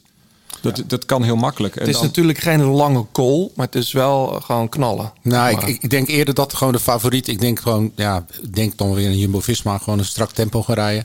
En dat er, dat er favorieten misschien door de mand vallen. Maar ik denk niet dat er van voren een schifting gaat gebeuren dat iemand er altijd gaat pakken. En, en ik bedoel, wil je, dat, wil je dat ook wel? Wil je die gele Ja. trui hebben? Eh, Maar wil, ja, wil je al die, mij moet je die, helemaal die, niet- die lange dagen hebben met pers? En, Maar je hebt de luxe toch niet om daar überhaupt over na te denken of je het wel wil. Zodra wel. je voelt. Nee, zo, natuurlijk niet. Je moet Pogacar waar je kan pakken. Ja, ik, dat- ik vind eerlijk gezegd. Eh, ja, het moet, het, moet, het moet deze week al voor een heel deel gebeuren. Want in de bergen wordt het gewoon veel lastiger. Denk Ja. ik. Nou ja, ik denk dat die keieritten dan meer voor geschikt is dan die, eh, die Planche de Belleville eh, aankomst. Maar we zullen zien. En wie gaat initiatief nemen? Ja. Ja. Op, eh, ook na, na de klimmen toe. Ik, bedoel, Nou, eh, Jumbo, dat, dat doen ze al, al, al jaren nu. dat is hun strategie. Ja. Maar is, is, dat, de- is dat de juiste om, om gelijk, al, eh, gelijk al de kaart te trekken waar hij zo hard mogelijk kan? Want wij hebben de beste renner. Ja. Volgens mij hebben zij niet de beste renner. In principe Nee. is Pogacar de beste renner. Ja. Dus Ja. moet- Hebben ze daarvan geleerd? misschien moet je het toch eens een keer anders gaan doen. Ja. Hey Bart, we gaan zo naar muziek van jou. Eerst even naar dit. Ik zie dat je twee bidons op jouw fiets eh, hebt. eh, hebt Sinds zit. kort. Ja, wat zit, zit daar water in? Wat zit erin? Eh, Ranja. Ranja. Echt, dat is echt een beetje Frans eh, nog. Dat doen die Franse ploeg ook volgens mij nog steeds. Nee, ik, ik heb geen dorslessers erin. Dit is Nee. gewoon aanmaaklimonade die, eh, die ik ook eh, voor mijn dochter gebruik. En dat, is- dat gaat prima. Heel goed. Nou, wij mogen namelijk eh, elke week eh, deze tour eh, een, een pakket weggeven, John. Van Ja. Enervit. Dat is eigenlijk het favoriete voedingspakket van, eh van eh Pogacar. Ja, Tadej Favorite, zoals jij het zo mooi hebt genoemd. Nou, dat hebben zij zelf zo genoemd, toch? Oh, ik dacht dat jij dat bedacht Nee, ja, natuurlijk niet. ik vond het wel grappig. Nee, Tadij's Favorite, zo noemen zij dat. En dat is een pakket van Enervit. Dat kun je hier winnen. Ja, een Eh, flink pakket ook trouwens. ja, wat zit er allemaal in? Eh, een bidon van, eh, van een halve liter. En, en een drie energy bars. Eén orange en nog drie abrikozen. Dat zijn er zes. Ja, dat zijn er dus zes in totaal. Eh, een ehm isocarb drink. ehm, lemon flavor, 650 gram. Dat is poeder neem ik aan. En jelletjes. En jelletjes. eh, cafeïne, drie keer 25 milliliter. Enervit, Italiaans merk geloof ik. En Ja, volgens mij Stokhout gebruikt Track Segafredo het ook. Ja, Francesco Moser had het al als sponsor op zijn shirt staan. Oh ja? Eh, kan ik me nog herinneren. Ja, in de tijd van dat het Gis Tuklu shirt toen het Urecord bracht. Wie heeft het pakket gewonnen? Ja, nou dat is een, eh, ook weer best wel een, eh, mooi verhaal eh, van Rob Viveen. Die vaak reageert en altijd luistert naar onze podcast. Beste Johannes en John, thanks voor de weer mooie aflevering Tourvoorbeschouwing. Ehm, met veel belangstelling hoor ik van jullie Enerviet winactie. Graag zou ik mee willen doen om een kans te maken voor zo'n mooi pakket. Niet voor mezelf, maar voor mijn vader. Hij is een fietser. September 2021 moest, eh, kreeg hij slecht nieuws en moest hij noodgedwongen zijn fiets aan de wil gehangen om een vrij zwaar medisch traject te ondergaan. Na de behandeling heeft het maanden geduurd voor hij weer aan het fietsen kon. En mocht denken, inmiddels is hij weer aan het fietsen en wordt zijn ritjes weer langzaam verder en sneller. Om hem een extra steuntje in zijn rug te geven en hem te motiveren, zou ik heel graag zo'n mooi Enerviet pakket aan hem schenken. Dus nou, dat eh, Kan hij goed gebruiken als ik het zo hoor. prachtige reden. Dus eh, Rob, eh, geef je gegevens door en dan sturen we een pakketje richting jou.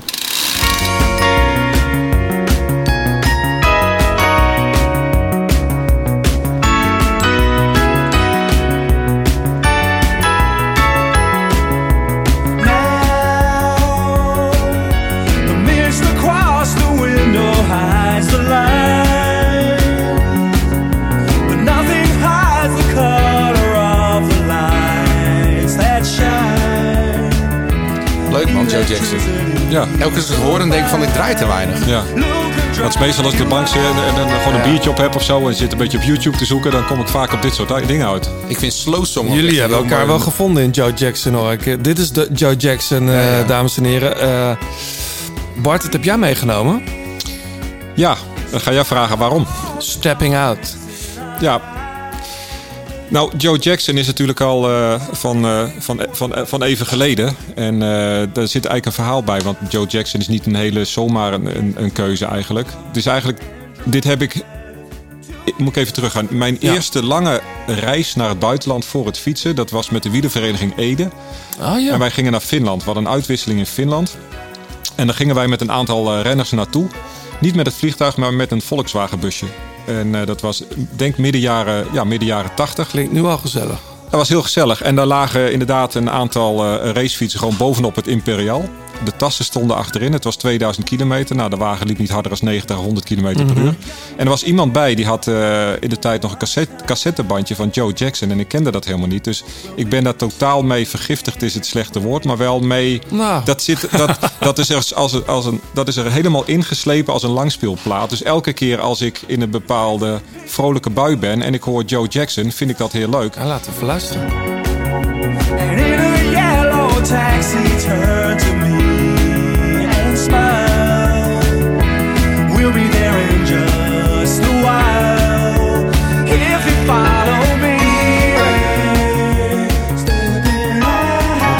wanneer is het dan ongeveer? Ja, ik, ben echt een, ik 80. ben echt geen kenner van Joe Jackson. Ik, ik zet eh, jaren 80, ja. Ja, het zal midden 80, begin Deze 80, denk begin 80 al Ja. zijn geweest.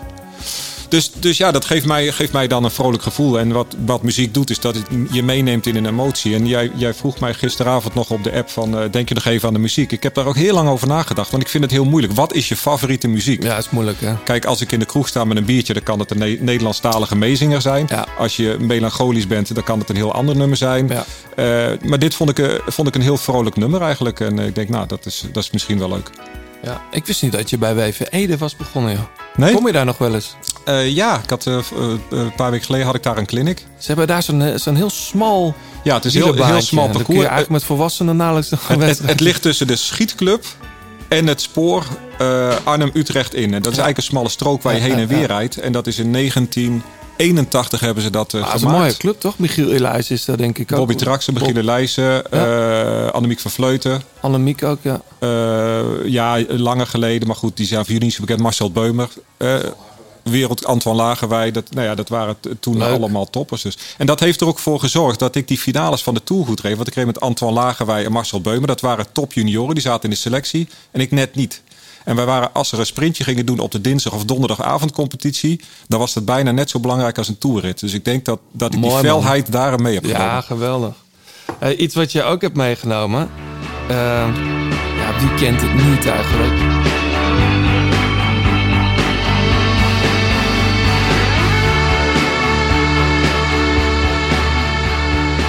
Alles Bowie volgens mij. Hm? Alles Bowie.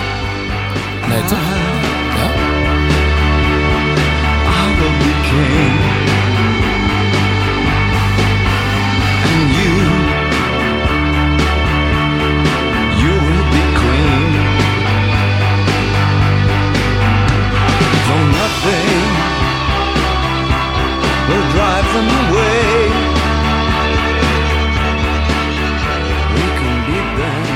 Ja, de allereerste keer dat wij Bowie draaien. Ik kan me haast niet voorstellen in vier seizoenen de grote plaat. Maar dankjewel Bart dat je deze mee Nou, hebt graag gedaan. Waarom, heb je, waarom wilde je dit horen? Nou, dit geeft, dit geeft je ook wel een gevoel. wie wil er niet gewoon... Kijk, wij zijn, eh, John en ik, zijn ook topsporters. Jij bent op muziek top. top. Je wil allemaal een, een soort een stukje succes hebben. In mijn geval, ik hoef niet altijd succesvol te zijn. Maar soms is het fijn al kun je maar één dag gewoon echt succesvol zijn en van dat succes genieten. En dat is wie wil dat niet? Gewoon Mhm. af en toe een stukje succes in zijn leven, op welk vlak. En dat, dat, dat geeft mij deze, geeft mij deze Maar muziek moet je dan beetje. ook denken aan jouw overwinningen eh, die je Nee, behaald nee hebt, dit is, dit is, dit is- deze muziek is een beetje, eh, misschien wel na mijn carrière een beetje gekomen. Ja, je, je komt dan eh, muziek tegen en associeert dat met een bepaald gevoel uit een bepaalde tijd. Ja. En dit geeft mij wel het gevoel, weet je wel, ja, weet je wel, nou, ik, ik, ik, ik, ik, ik heb die, die, die sport gedaan. En af en toe was het gewoon fijn als je af en toe gewoon één keer gewoon de held voor één dag kan, Ja. zijn. Een, een, een held kunt zijn. En dat, Ja. dat, dat gevoel geeft het soms. Ik, we hoeven niet allemaal altijd een held te zijn, maar zo af en toe een dag. Wanneer draai dat je wel dit? geweldig. Wanneer draai je? Eh, nou ja, s'avonds op de bank. Gewoon als, Ja. het- als ik het gezellig heb met, eh, eh, met Anne, met- gewoon met mijn, eh, met mijn vrouw, vind ik dat gezellig. Ja. Ja. Er zijn natuurlijk heel veel, heel veel eh, classic tracks, ook van Bowie, maar van andere artiesten, die zoveel gedraaid zijn en worden, dat het een beetje platgetreden wordt. Bij deze track heb ik dat nooit. Jij wel? Nee, ik ook niet. Het, het, het is natuurlijk een hele lange track ook. Ja, nou, ik moet vooral bij dit nummer, eh, ja, sinds de afgelopen tien jaar denken aan eh, de Olympische Spelen van 2012. Mhm. Bij de Engelse ploeg met dit nummer het stadion ingemarcheerd kwam bij de openingsceremonie. Maar dat vergeet je ook nooit meer. En dat Chris Hoy daar met die vlag loopt. Ja, ik, dan kan ik alleen maar. Ik bedoel, ik heb twee keer de Spelen gedaan. Ik heb nooit de openingsceremonie mogen lopen, omdat we elke keer vroeg moesten sporten. En dan denk ik, ja, dat, als je dat toch meemaakt, man, dat je eigen land met dit nummer. Ja, Ja. En dan die vlag daar, ja, dat is echt. Ja. Mensen zouden ook eens moeten duiken in de song. Er zijn hele, heel veel mooie films en documentaires gemaakt over het lied en hoe dat is ontstaan. is in Berlijn geschreven en opgenomen. Eh, wat ik heel grappig vind, maar dat zo kijk ik er dan ook weer naar. Is een grote hit geworden. Het is trouwens, er is ook een hele mooie Duitsstalige versie van trouwens. Ehm, door Bowie zelf. De rest van de plaat is een hele gruizige onder, underground eh, plaat Zoals eigenlijk. iedereen dat toen deed in, eh, En, de en Handelsstudio. alleen Heroes is de hit. Maar verder is het een redelijk ontoegankelijke plaat. Met een hele mooie opener. V2 Schneider. Ja, dat is een classic. Maar als je denkt, je krijgt meer liedjes. Bowie liedjes, zeg maar. Zoals op Let's Dance of whatever. eh, die krijg je niet hoor. Nee, die, maar het is een, ehm, de moeite waard om ook het hele album een keer op te zetten. Ehm, ja man, helden. helden. Ja. Hey, over helden gesproken. In Denemarken, ik vond dat toch opvallend. Ik zag veel spandoeken ehm, hangen ook wel daarover. In zowel Kopenhagen als op andere plekken. Eh, de heer Bjarne Ries, maar ook eh, Marco Rasmussen... waren niet welkom bij het Grand Départ. Ik vond daar wel iets van. Ja, En ik jij? Vind, ja, ik vind daar ook wat van. Weet je, het is een heel lang verhaal, misschien wel te lang voor de podcast. Kijk, er, zijn, ik, ik, ik denk wel, je, je, moet je dan gradaties maken in, in het boefje zijn geweest? Want want Mhm. voor de een is het heel snel vergeven. Eh, bij een ander wordt er niet naar gevraagd. Een ander eh, zegt er wel iets over. Eén staat nog in de uitslag en de ander niet meer. En de een staat in de uitslag en de ander niet. En ik, ik ben er ook van overtuigd als we dat zo secuur en precies willen opvolgen, dan denk ik dat je hele, hele ranglijsten kunt, kunt leeghalen uit de jaren negentig. Ja. Aan de andere kant, ja, weet je wel, je hebt natuurlijk wel. hij- was natuurlijk wel, en net als met eh, Lance Armstrong, zij waren natuurlijk eh, het beeld van het kwaad. Mhm. Weet je wel? En uiteindelijk. Bjarne Ries hebben we het over. Bjarne ja. Ries en, en eh, Lance Armstrong en Rasmussen. Maar aan de andere kant zat daar natuurlijk, en daar was ik er één van, zat er natuurlijk een heleboel eh, mindere goden bij die eigenlijk Exact hetzelfde daar- exact hetzelfde deden. Alleen de vraag is van, hebben wij dat meegedaan omdat die toppers er dan misschien als eerste mee waren? Wie is er dan fout geweest? Degene die het geïntroduceerd heeft, zodat de rest eigenlijk mee moest Of doen? degene die er het verst in ging. Of degene die het verst in ging. Maar wat is ver en wat is niet ver? Ik vind het een hele moeilijke, hele moeilijke discussie Ik vind het persoonlijk nog steeds heel pijnlijk. Ik bedoel, heb altijd die, nu die tourgidsen. Er liggen er ook een paar op tafel. Dan zie je al die uitslagen van 100, eh, 180 jaar tour. Nee, het is iets korter. Maar... En dan staan daar die, die, die leegtes bij, bij Armstrong. En dan ga je iets verder terug. Maar dan staan wel een, een rits, rits van vijf overwinningen door Indurain. Eh, dat vind ik gewoon raar. Dat En- is opmerkelijk. opmerkelijk. En het is natuurlijk. ik bedoel, jij hebt, nog, jij hebt nog met Bjarne gekoerst in die tijd. Ehm, dat waren voor de mensen die dat niet weten, en ik denk dat onze luisteraars dat wel weten, maar de, de, de jaren van de donkerrode hematocrietwaarde. EPO was echt een household name in het peloton. En misschien het allereerste echte dieptepunt, want er zijn er daarna nog meer geweest, was 1998, hadden we het al even over, de Tour De dopage is dat later genoemd.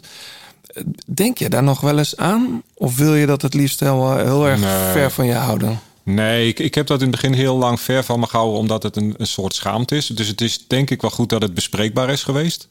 En dat er een hoop zijn geweest die er iets over hebben durven en kunnen vertellen. Zodat je het een plek geeft waar het eigenlijk ook hoor- hoort. Dus natuurlijk, het, het, hoort, het hoort bij het wielrennen van de jaren negentig. En het feit dat we het er nu ook over hebben, ja, dat, dat hoort er nou één keer bij. Ik, Ik, vind heb dat het zelf idee, niet ik had het moeilijk. vanochtend met John over. Eh, veel renners uit de jaren 90. Een deel daarvan heeft bekend, deel niet. Ook en uit de zero's, eh, noem ik het altijd maar, de jaren 2000. Ehm, ik heb het idee dat, dat ik daar met jou wel een normaal gesprek over kan voeren. Jij hebt in 2014 volgens mij in Andere Tijden Sport... in een documentaire openlijk toegegeven hoe dat nou zat bij jou. Mhm. En dat je EPO gebruikt hebt en eh, ook wel zorgde dat dat bij jou terecht kwam. Vond ik een indrukwekkende eh, aflevering toen.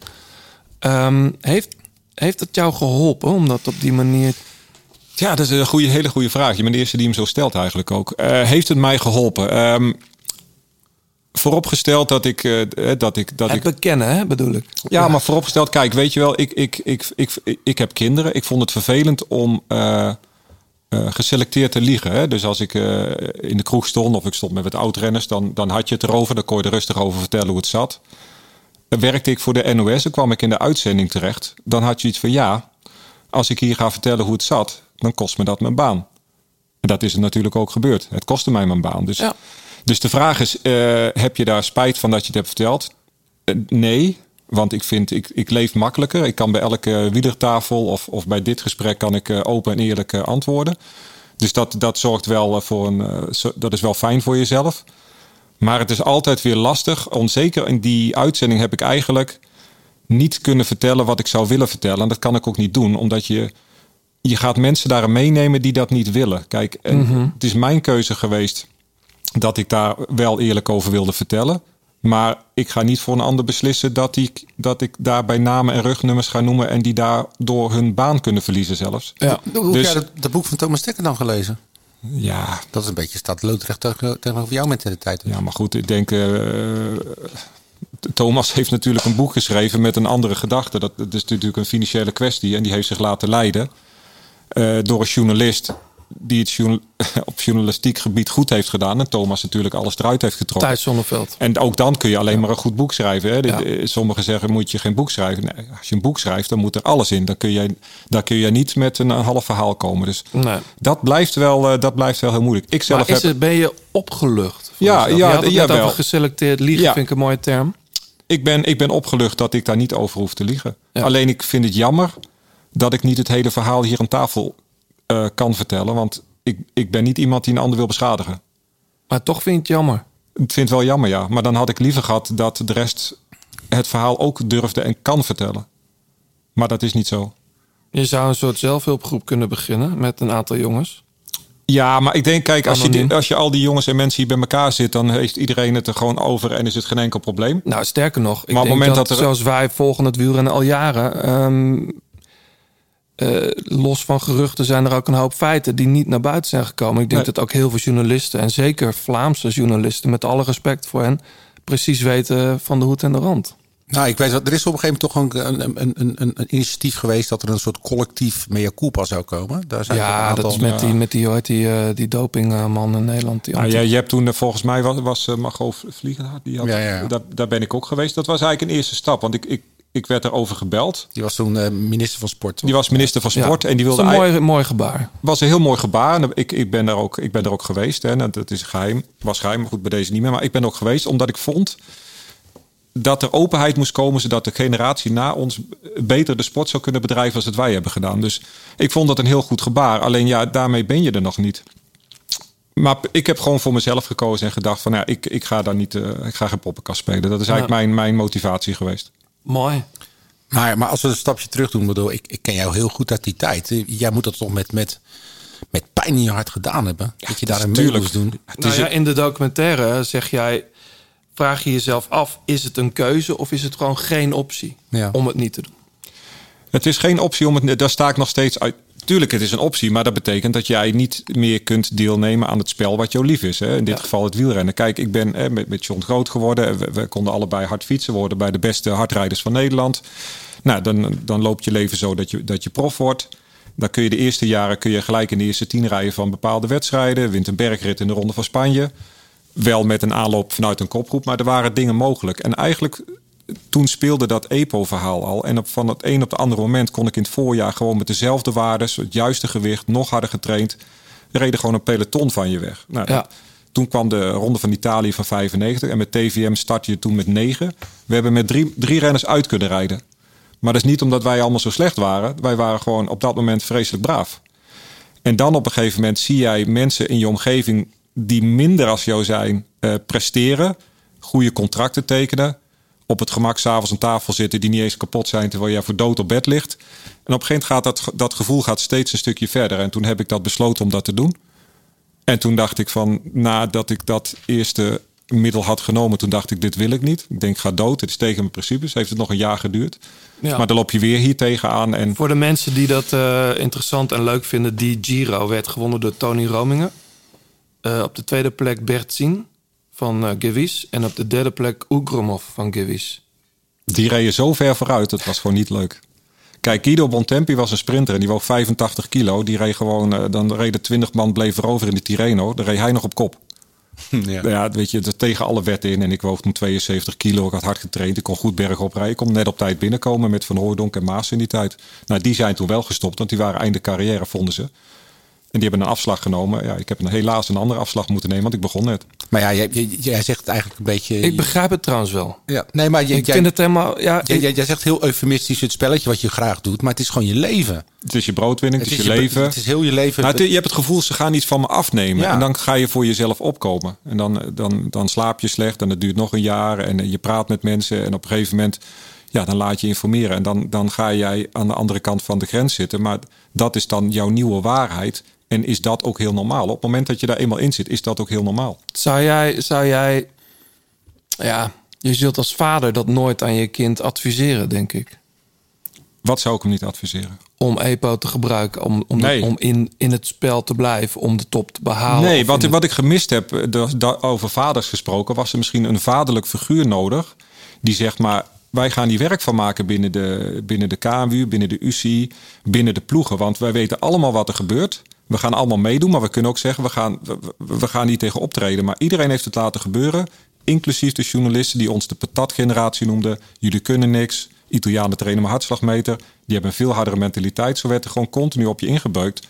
Maar je kon niet zeggen hoe het zat, want dan was je natuurlijk een slechte verliezer. Ja. Dus het was, het was heel erg dubbel. We hadden meer nodig gehad dat iemand zei van... maar dit kan niet en hier gaan we mee aan het werk. Want zo niet verder. En onze generatie heeft er wel voor gezorgd, denk ik...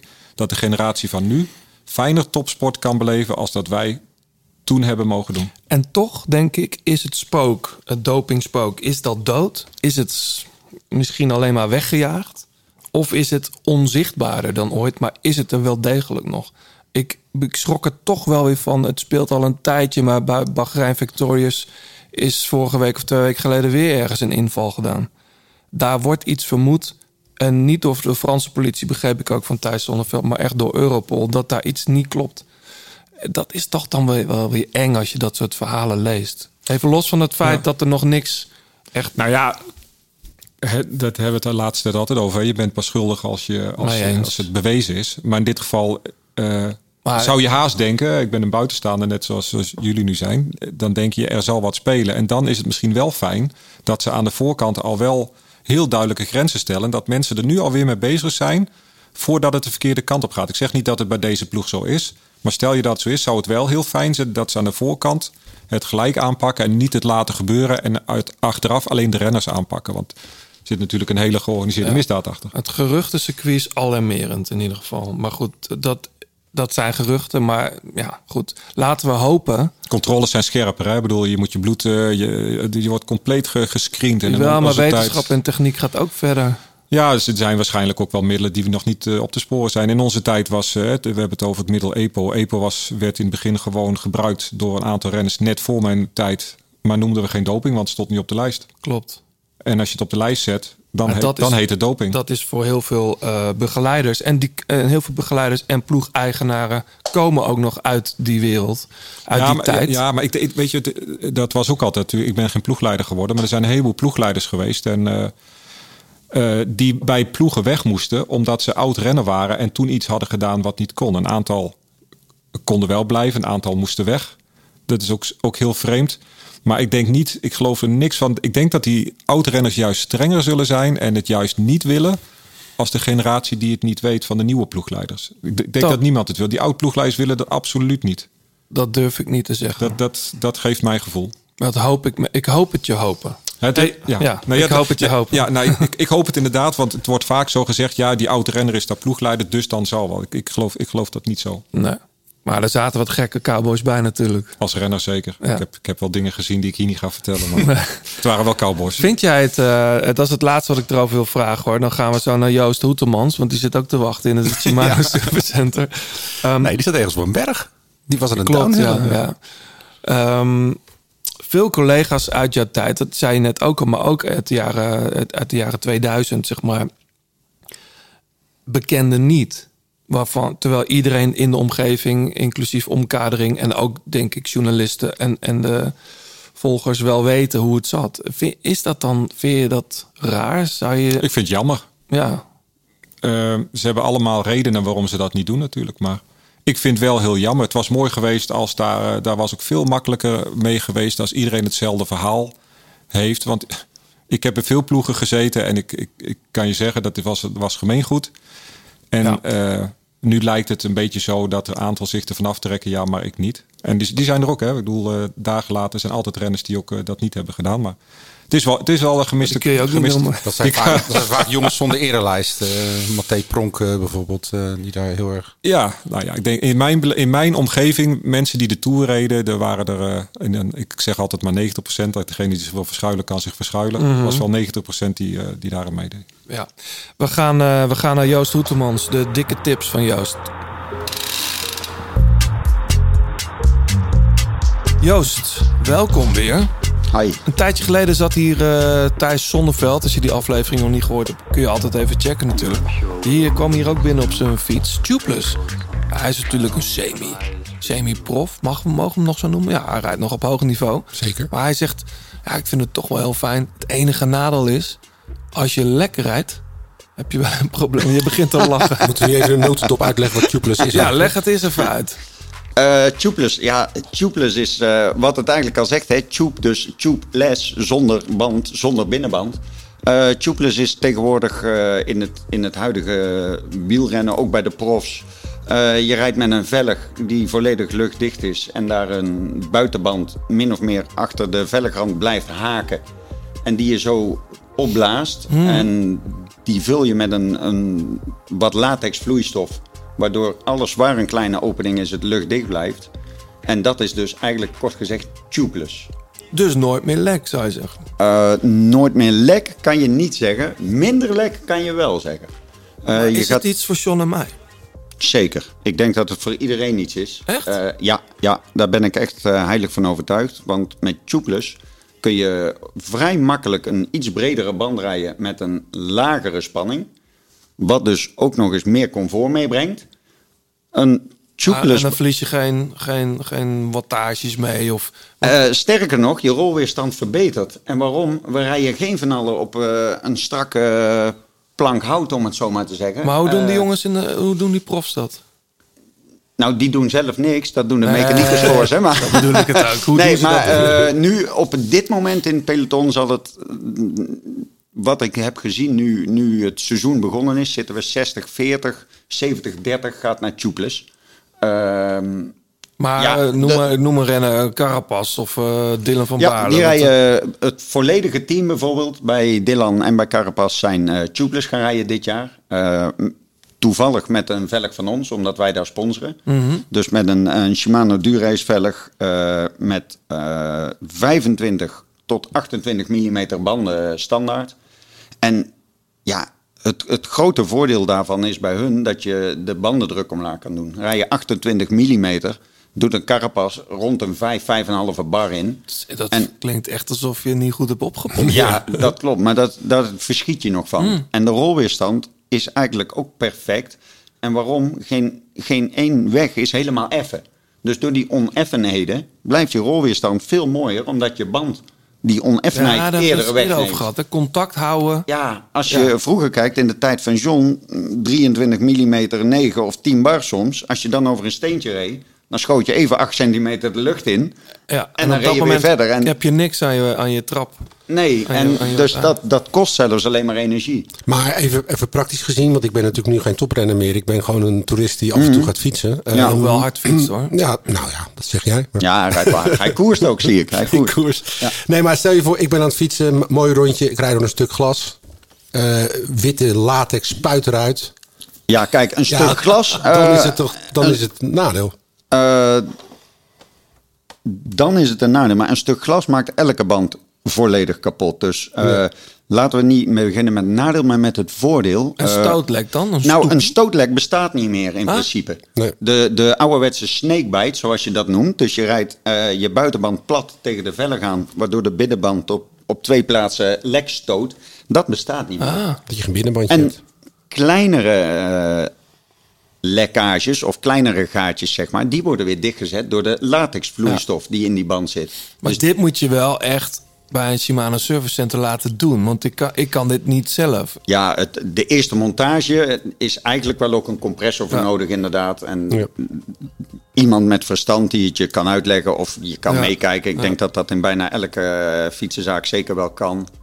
Ja, dan snap je een beetje hoe het zit. Maar het is ietsje meer behelpen met, eh, met erop leggen, zeg maar. Maar als je eenmaal aan het fietsen bent, eh, ja, met een goed stel wielen en tubeless, je voelt het. Je voelt Hm. het echt. Toch maar Dankjewel. proberen. Ja, misschien wel hè. Ja. Even kijken wat het kost. Bedankt Joost. Oké. Ja, dat was eh, Joost weer. Volgende week, of die, over, die, over anderhalve week, is hij er weer. Ehm, we mogen straks eh, een bon weggeven ter waarde van 100 euro. Die kun je inleveren bij een Shimano Service Center bij jou in de buurt. Daar komen we zo meteen op terug. Ehm, eerst eventjes eh, dit. Ik heb het vorige keer al even genoemd. Wil je nog een bakje koffie, Bart? Ach ja, lekker. Je had het net tegen gezet, uh, dat je laten staan. Klopt. Ik, eh, koude koffie voor mij. Dat doe ik altijd. Koude koffie? Of, nee, die heb je niet.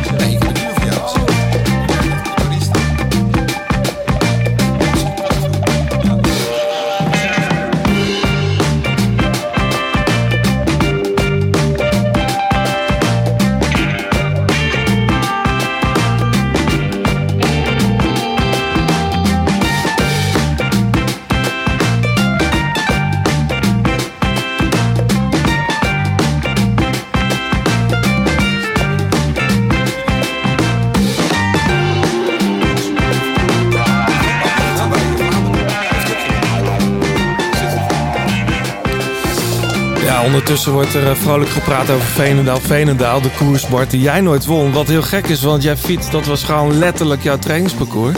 Ja. Eh, ik ik eh, zei laatst al een keer tegen je, ik kwam je regelmatig tegen toen ik fietste. Toen was ook al voor mijn plezier met mijn broer. En dan zagen we heel vaak een TVM er voorbij flitsen. En dan was het Bart Voskamp. Dit was trouwens eh, Cavallo Nero. Ik had het de vorige keer al even over gehad. Een Nederlandse band hier uit de buurt. Ook super vette plaat is uit. EP. 1 juli uitgekomen. Op de dag van de toerstart. Eh, als je zin hebt in de zomer, zet hem op. Als je nog geen zin hebt in de zomer, ehm, zet hem ook op. Dan word je echt een beter mens van. Dit is een hele, hele fijne plaat. Een beetje die Kwang Bin-achtige vibes. Veel eh, mooie gitaarsolo's. Eh, die zou bij mij in mijn barbecue playlistje staan. Dus eh, ga die plaat checken. Habitat heet deze song.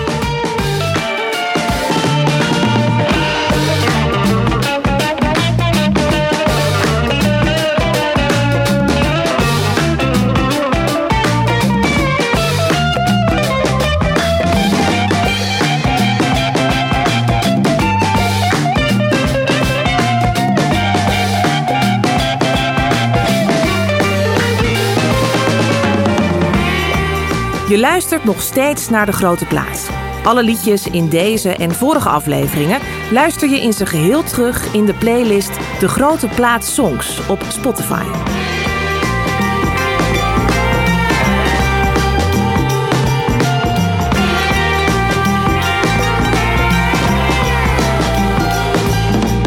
De Grote Plaat, laatste kilometer. Wat wij dan altijd doen, eh, is gaan we, dan gaan we voorspellen. En dat is heel ingewikkeld. Ik weet niet, hou jij ervan? Doe je aan poeltjes en zo? Nee. Nee. John eh, houdt er ook niet van, maar doet er altijd mee. Nou, je begint wel een liefhebber te worden. Jawel. Eh, onze Scorito Subleague, zowel die voor Intimi als die van, de, van, van iedereen eigenlijk, worden goed, eh, wordt goed aan meegedaan. Ja. Ik schrok er een beetje van, want ik sta volgens mij top 10 nog. Nou, in totaal. Van de, Ja, in totaal. Ja, ik kijk bijna altijd alleen in onze besloten groep. Maar ik wilde nog een, een, ja, een beetje plagerig appje sturen van... hey, je staat op kop. Toen was het begin had iedereen nul, zo jij bovenaan. Dus, eh, maar dat heb ik gelukkig niet gedaan, want je staat op kop bij ons. Dat klopt, ja. Maar ik had, ik Met dank aan Danny van Poppel. Ah, die heb je ja, ook die heb ik meegenomen. Maar ik heb, ik heb geen Ganna, want ik, ik vond het te, te veel voor, eh, voor twee ritten. Dus ik, eh, ik Twee ritten? Nou, Wat twee denk- tijdritten. Wat denk je van de kasseienrit? Ja, gaat hij in dienst rijden. Ja, denk het ook. Van G. Ja, Ja. dus eh, nee joh, het, eh, Maar goed, we kijken zo eventjes dan naar die, die, die, die pool. Eerst dan nog even, daar hebben we het natuurlijk wel over gehad. Maar Bart, jij zit hier nu aan tafel. Pogacar. Hoe zou jij hem gaan kloppen als je ploegleider was van je team Jumbo-Visma? Volgens mij is dat niet zo moeilijk. Volgens mij hebben ze bij Jumbo... eh, niet zo moeilijk. Nou, nou ja, de, de, de, of lukt. De, volgens, volgens, even. volgens mij heb jij, eh, heb jij twee kopmannen. Ja. En volgens mij proberen ze het spelletje al te spelen. Maar wij begrijpen hier natuurlijk ook al dat Jonas beter rijdt als, eh Echt, hè? als Roglic. Tenminste, eh, zo lijkt het de laatste tijd. Vooralsnog. Vorig jaar was hij de enige volgens mij die op eh, de Mont Ventoux Pogacar eraf reed. Ja. Hè, dus het, het zou kunnen. Dus volgens mij moet jij binnen de ploeg die als kopman hebben. Maar speel je naar buiten toe of Roglic de kopman is. Dus je moet, je moet hem gaan. Je dat kunt dat hem, misschien al gebeurt. Je, kunt hem, je moet hem isoleren. Ze hebben twee kopmannen. Dat is het enige voordeel wat ze, wat ze eruit kunnen halen, denk ik. En dan moet je, moet je dus niet eh, zo hard mogelijk op kop gaan rijden. Want Pogacar is denk ik misschien wel de sterkste. Maar je moet je- de boel isoleren. Renners vooruit sturen. Je moet een truc uithalen. Want voor hard van A naar B rijden en dan op het laatste klimmetje kijken wie het sterkst is. Dan denk ik toch dat Pogacar normaal isoleren is. zeg je. eh, George Bennett fietst daar. Maika fietst daar. Brian McNulty. Mark Soler. Mark Hishi. Dat is nogal moeilijk om die, om die gasten eh, te... Of niet? Ja, hoe, Ja, maar daarom, daarom, moet je dan, eh, daarom zul je er vroeg aan moeten beginnen. Je Ja. kunt, daarom moet zo'n zo'n zo'n Jumbo moet ook niet... we gaan op kop rijden, we gaan zo hard mogelijk naar die berg toe rijden... en we kijken nog drie kwart van die berg en dan laten we ze los kijken wat er gebeurt. Want dan, eh, dan vrees ik ervoor. Maar als jij er al eerder mee begint en je gaat af en toe wat renners vooruit sturen... en de koers hard maken, je, moet- je moet proberen dat hij alleen komt te zitten. Maar aan de andere kant, we hebben het vo- vorige keer ook al een beetje over gehad. Eh, George Bennett, wanneer heeft hij, eh, of de, wanneer heeft hij voor het laatst goed gereden? Dat was ook in de ze nemen hem niet voor niks mee. Hè? Nee, oké, maar Hirschi, zie jij? Nee, zit hij er lang bij? Nee, maar die is wel in orde. Nou, Dus maar ik, die- denk, ik denk McNulty en en Maika, dat zijn volgens mij wel... Dat zijn de laatste twee wel mannen. zekerheidjes. Ja, Maar maar Hirschi is wel in orde. dan hoor. zitten er nog vijf... Maar als, eh, stel je voor dat Roglic doortrekt in dienst van Jonas... dan denk ik dat die twee er ook af liggen. Maar is, is, er, is er een, ja, misschien advocaat van de duivel, maar is er niet een soort van kastensysteem nog waarin Roglic gewoon hoger staat dan Vindekaart? En dat hij toch altijd nog. Door, ja, ik denk dan bijna aan Wiggins eh, en ehm Froome destijds. Ik denk dat het bij eh, Jumbo niet is. Ik denk dat het daar echt wel gaat om de Tour te winnen. En dat is niet meer een hiërarchie. Nee. En ik geloof ook Nou ja, niet dat die je- Roglic, je Roglic is ook niet de- dominant. hè. De drie dagen in Denemarken heb gezien, dan dacht je dat alles om Vingegaard ging. Want dat was ongelooflijk. De, voor de Jumbo-bus was het eh, veruit het drukst. Eh, en dan kwam Vingegaard naar buiten en dan ontplofte gewoon de straat aan, aan gejuich en, en gejoel. Ging die ook nog eens handtekeningen uitdelen, wat ik wel gek vond. Ja.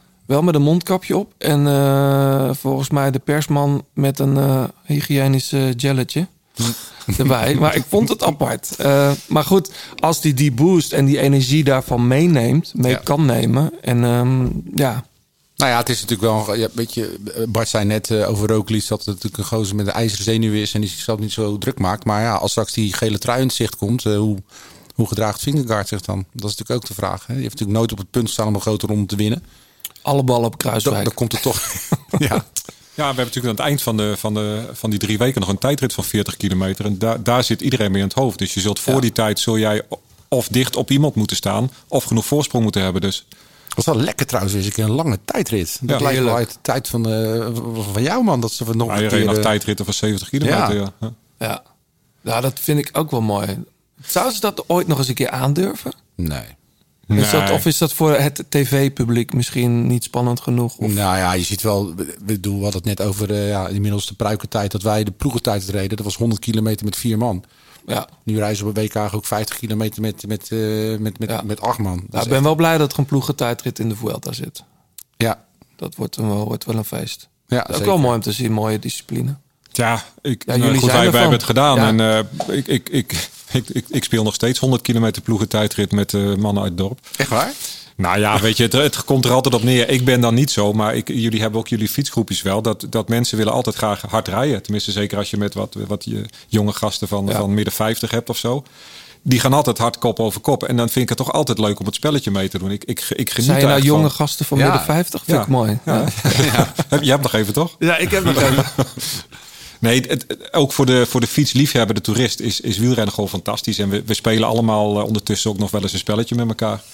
Dus de, de ploegentijdrit, daar begon het over, is een mooie discipline. En dat laat gewoon zien hoe, hoe ze met elkaar omgaan, wat ze elkaar gunnen. Eh, je, je gunt ook je ploegmaat, gun je ook het rustmoment, omdat je weet dat hij jou daarna weer helpt. Dus het is echt een heel spel. Het is niet alleen maar hard, hard, hard op kop rijden. Ja. Hey, ehm, wij willen even eh, een, een, een vraag eruit gooien naar onze luisteraars. Eh, want ze kunnen natuurlijk iets moois winnen. Nou, maken we het soms iets te makkelijk. We maken het onszelf ook soms iets te makkelijk. Dus we hebben een moeilijke vraag bedacht, vind ik. Ehm, we gaan, eh, zoals gezegd, eh, vrijdag naar Superplanche de Belleville. Dan gaan we ook nog het weekend de heuvels in. Lausanne eerst. En dan hebben we ook nog een soort van... Het is een bergrit, maar niet zeg maar een Alp of een Pyreneeënrit. Ehm, daarna is het maandag. Is het weer rustig. Beginnen we de volgende dag in Morzine. De vraag is, wie start er dinsdag, volgende week dus, aanstaande dinsdag, in Morzine in de bolletrui? En dan wil ik van jou een antwoord, John. En van jou, Bart. Gok eens. Ja, dat is moeilijk, hè? Nou, ik, ja, ik heb hem in mijn- in mijn poeltje meegenomen puur eh, voor dit feit. Ik denk dat Oh? Ketje, Kofidis. Oh ja? Ja, die gaat, eh de- denk ik, dit een projectje van gaat maken. Die ploeg heeft toch niet zo heel veel te zoeken in, eh, in de Tour verder. Dus ik denk dat, dat die, die rijdt goed. Leuk. Ja. Geske. Geske, ja. Simon Geske. Ja. Met zijn eigen baardolielijn. Dat Ja. weet ik dan weer. Het is een, een Duitse bolletjestrui. Gok ik. Leuk. Bart? Ja, ik, ik kom niet.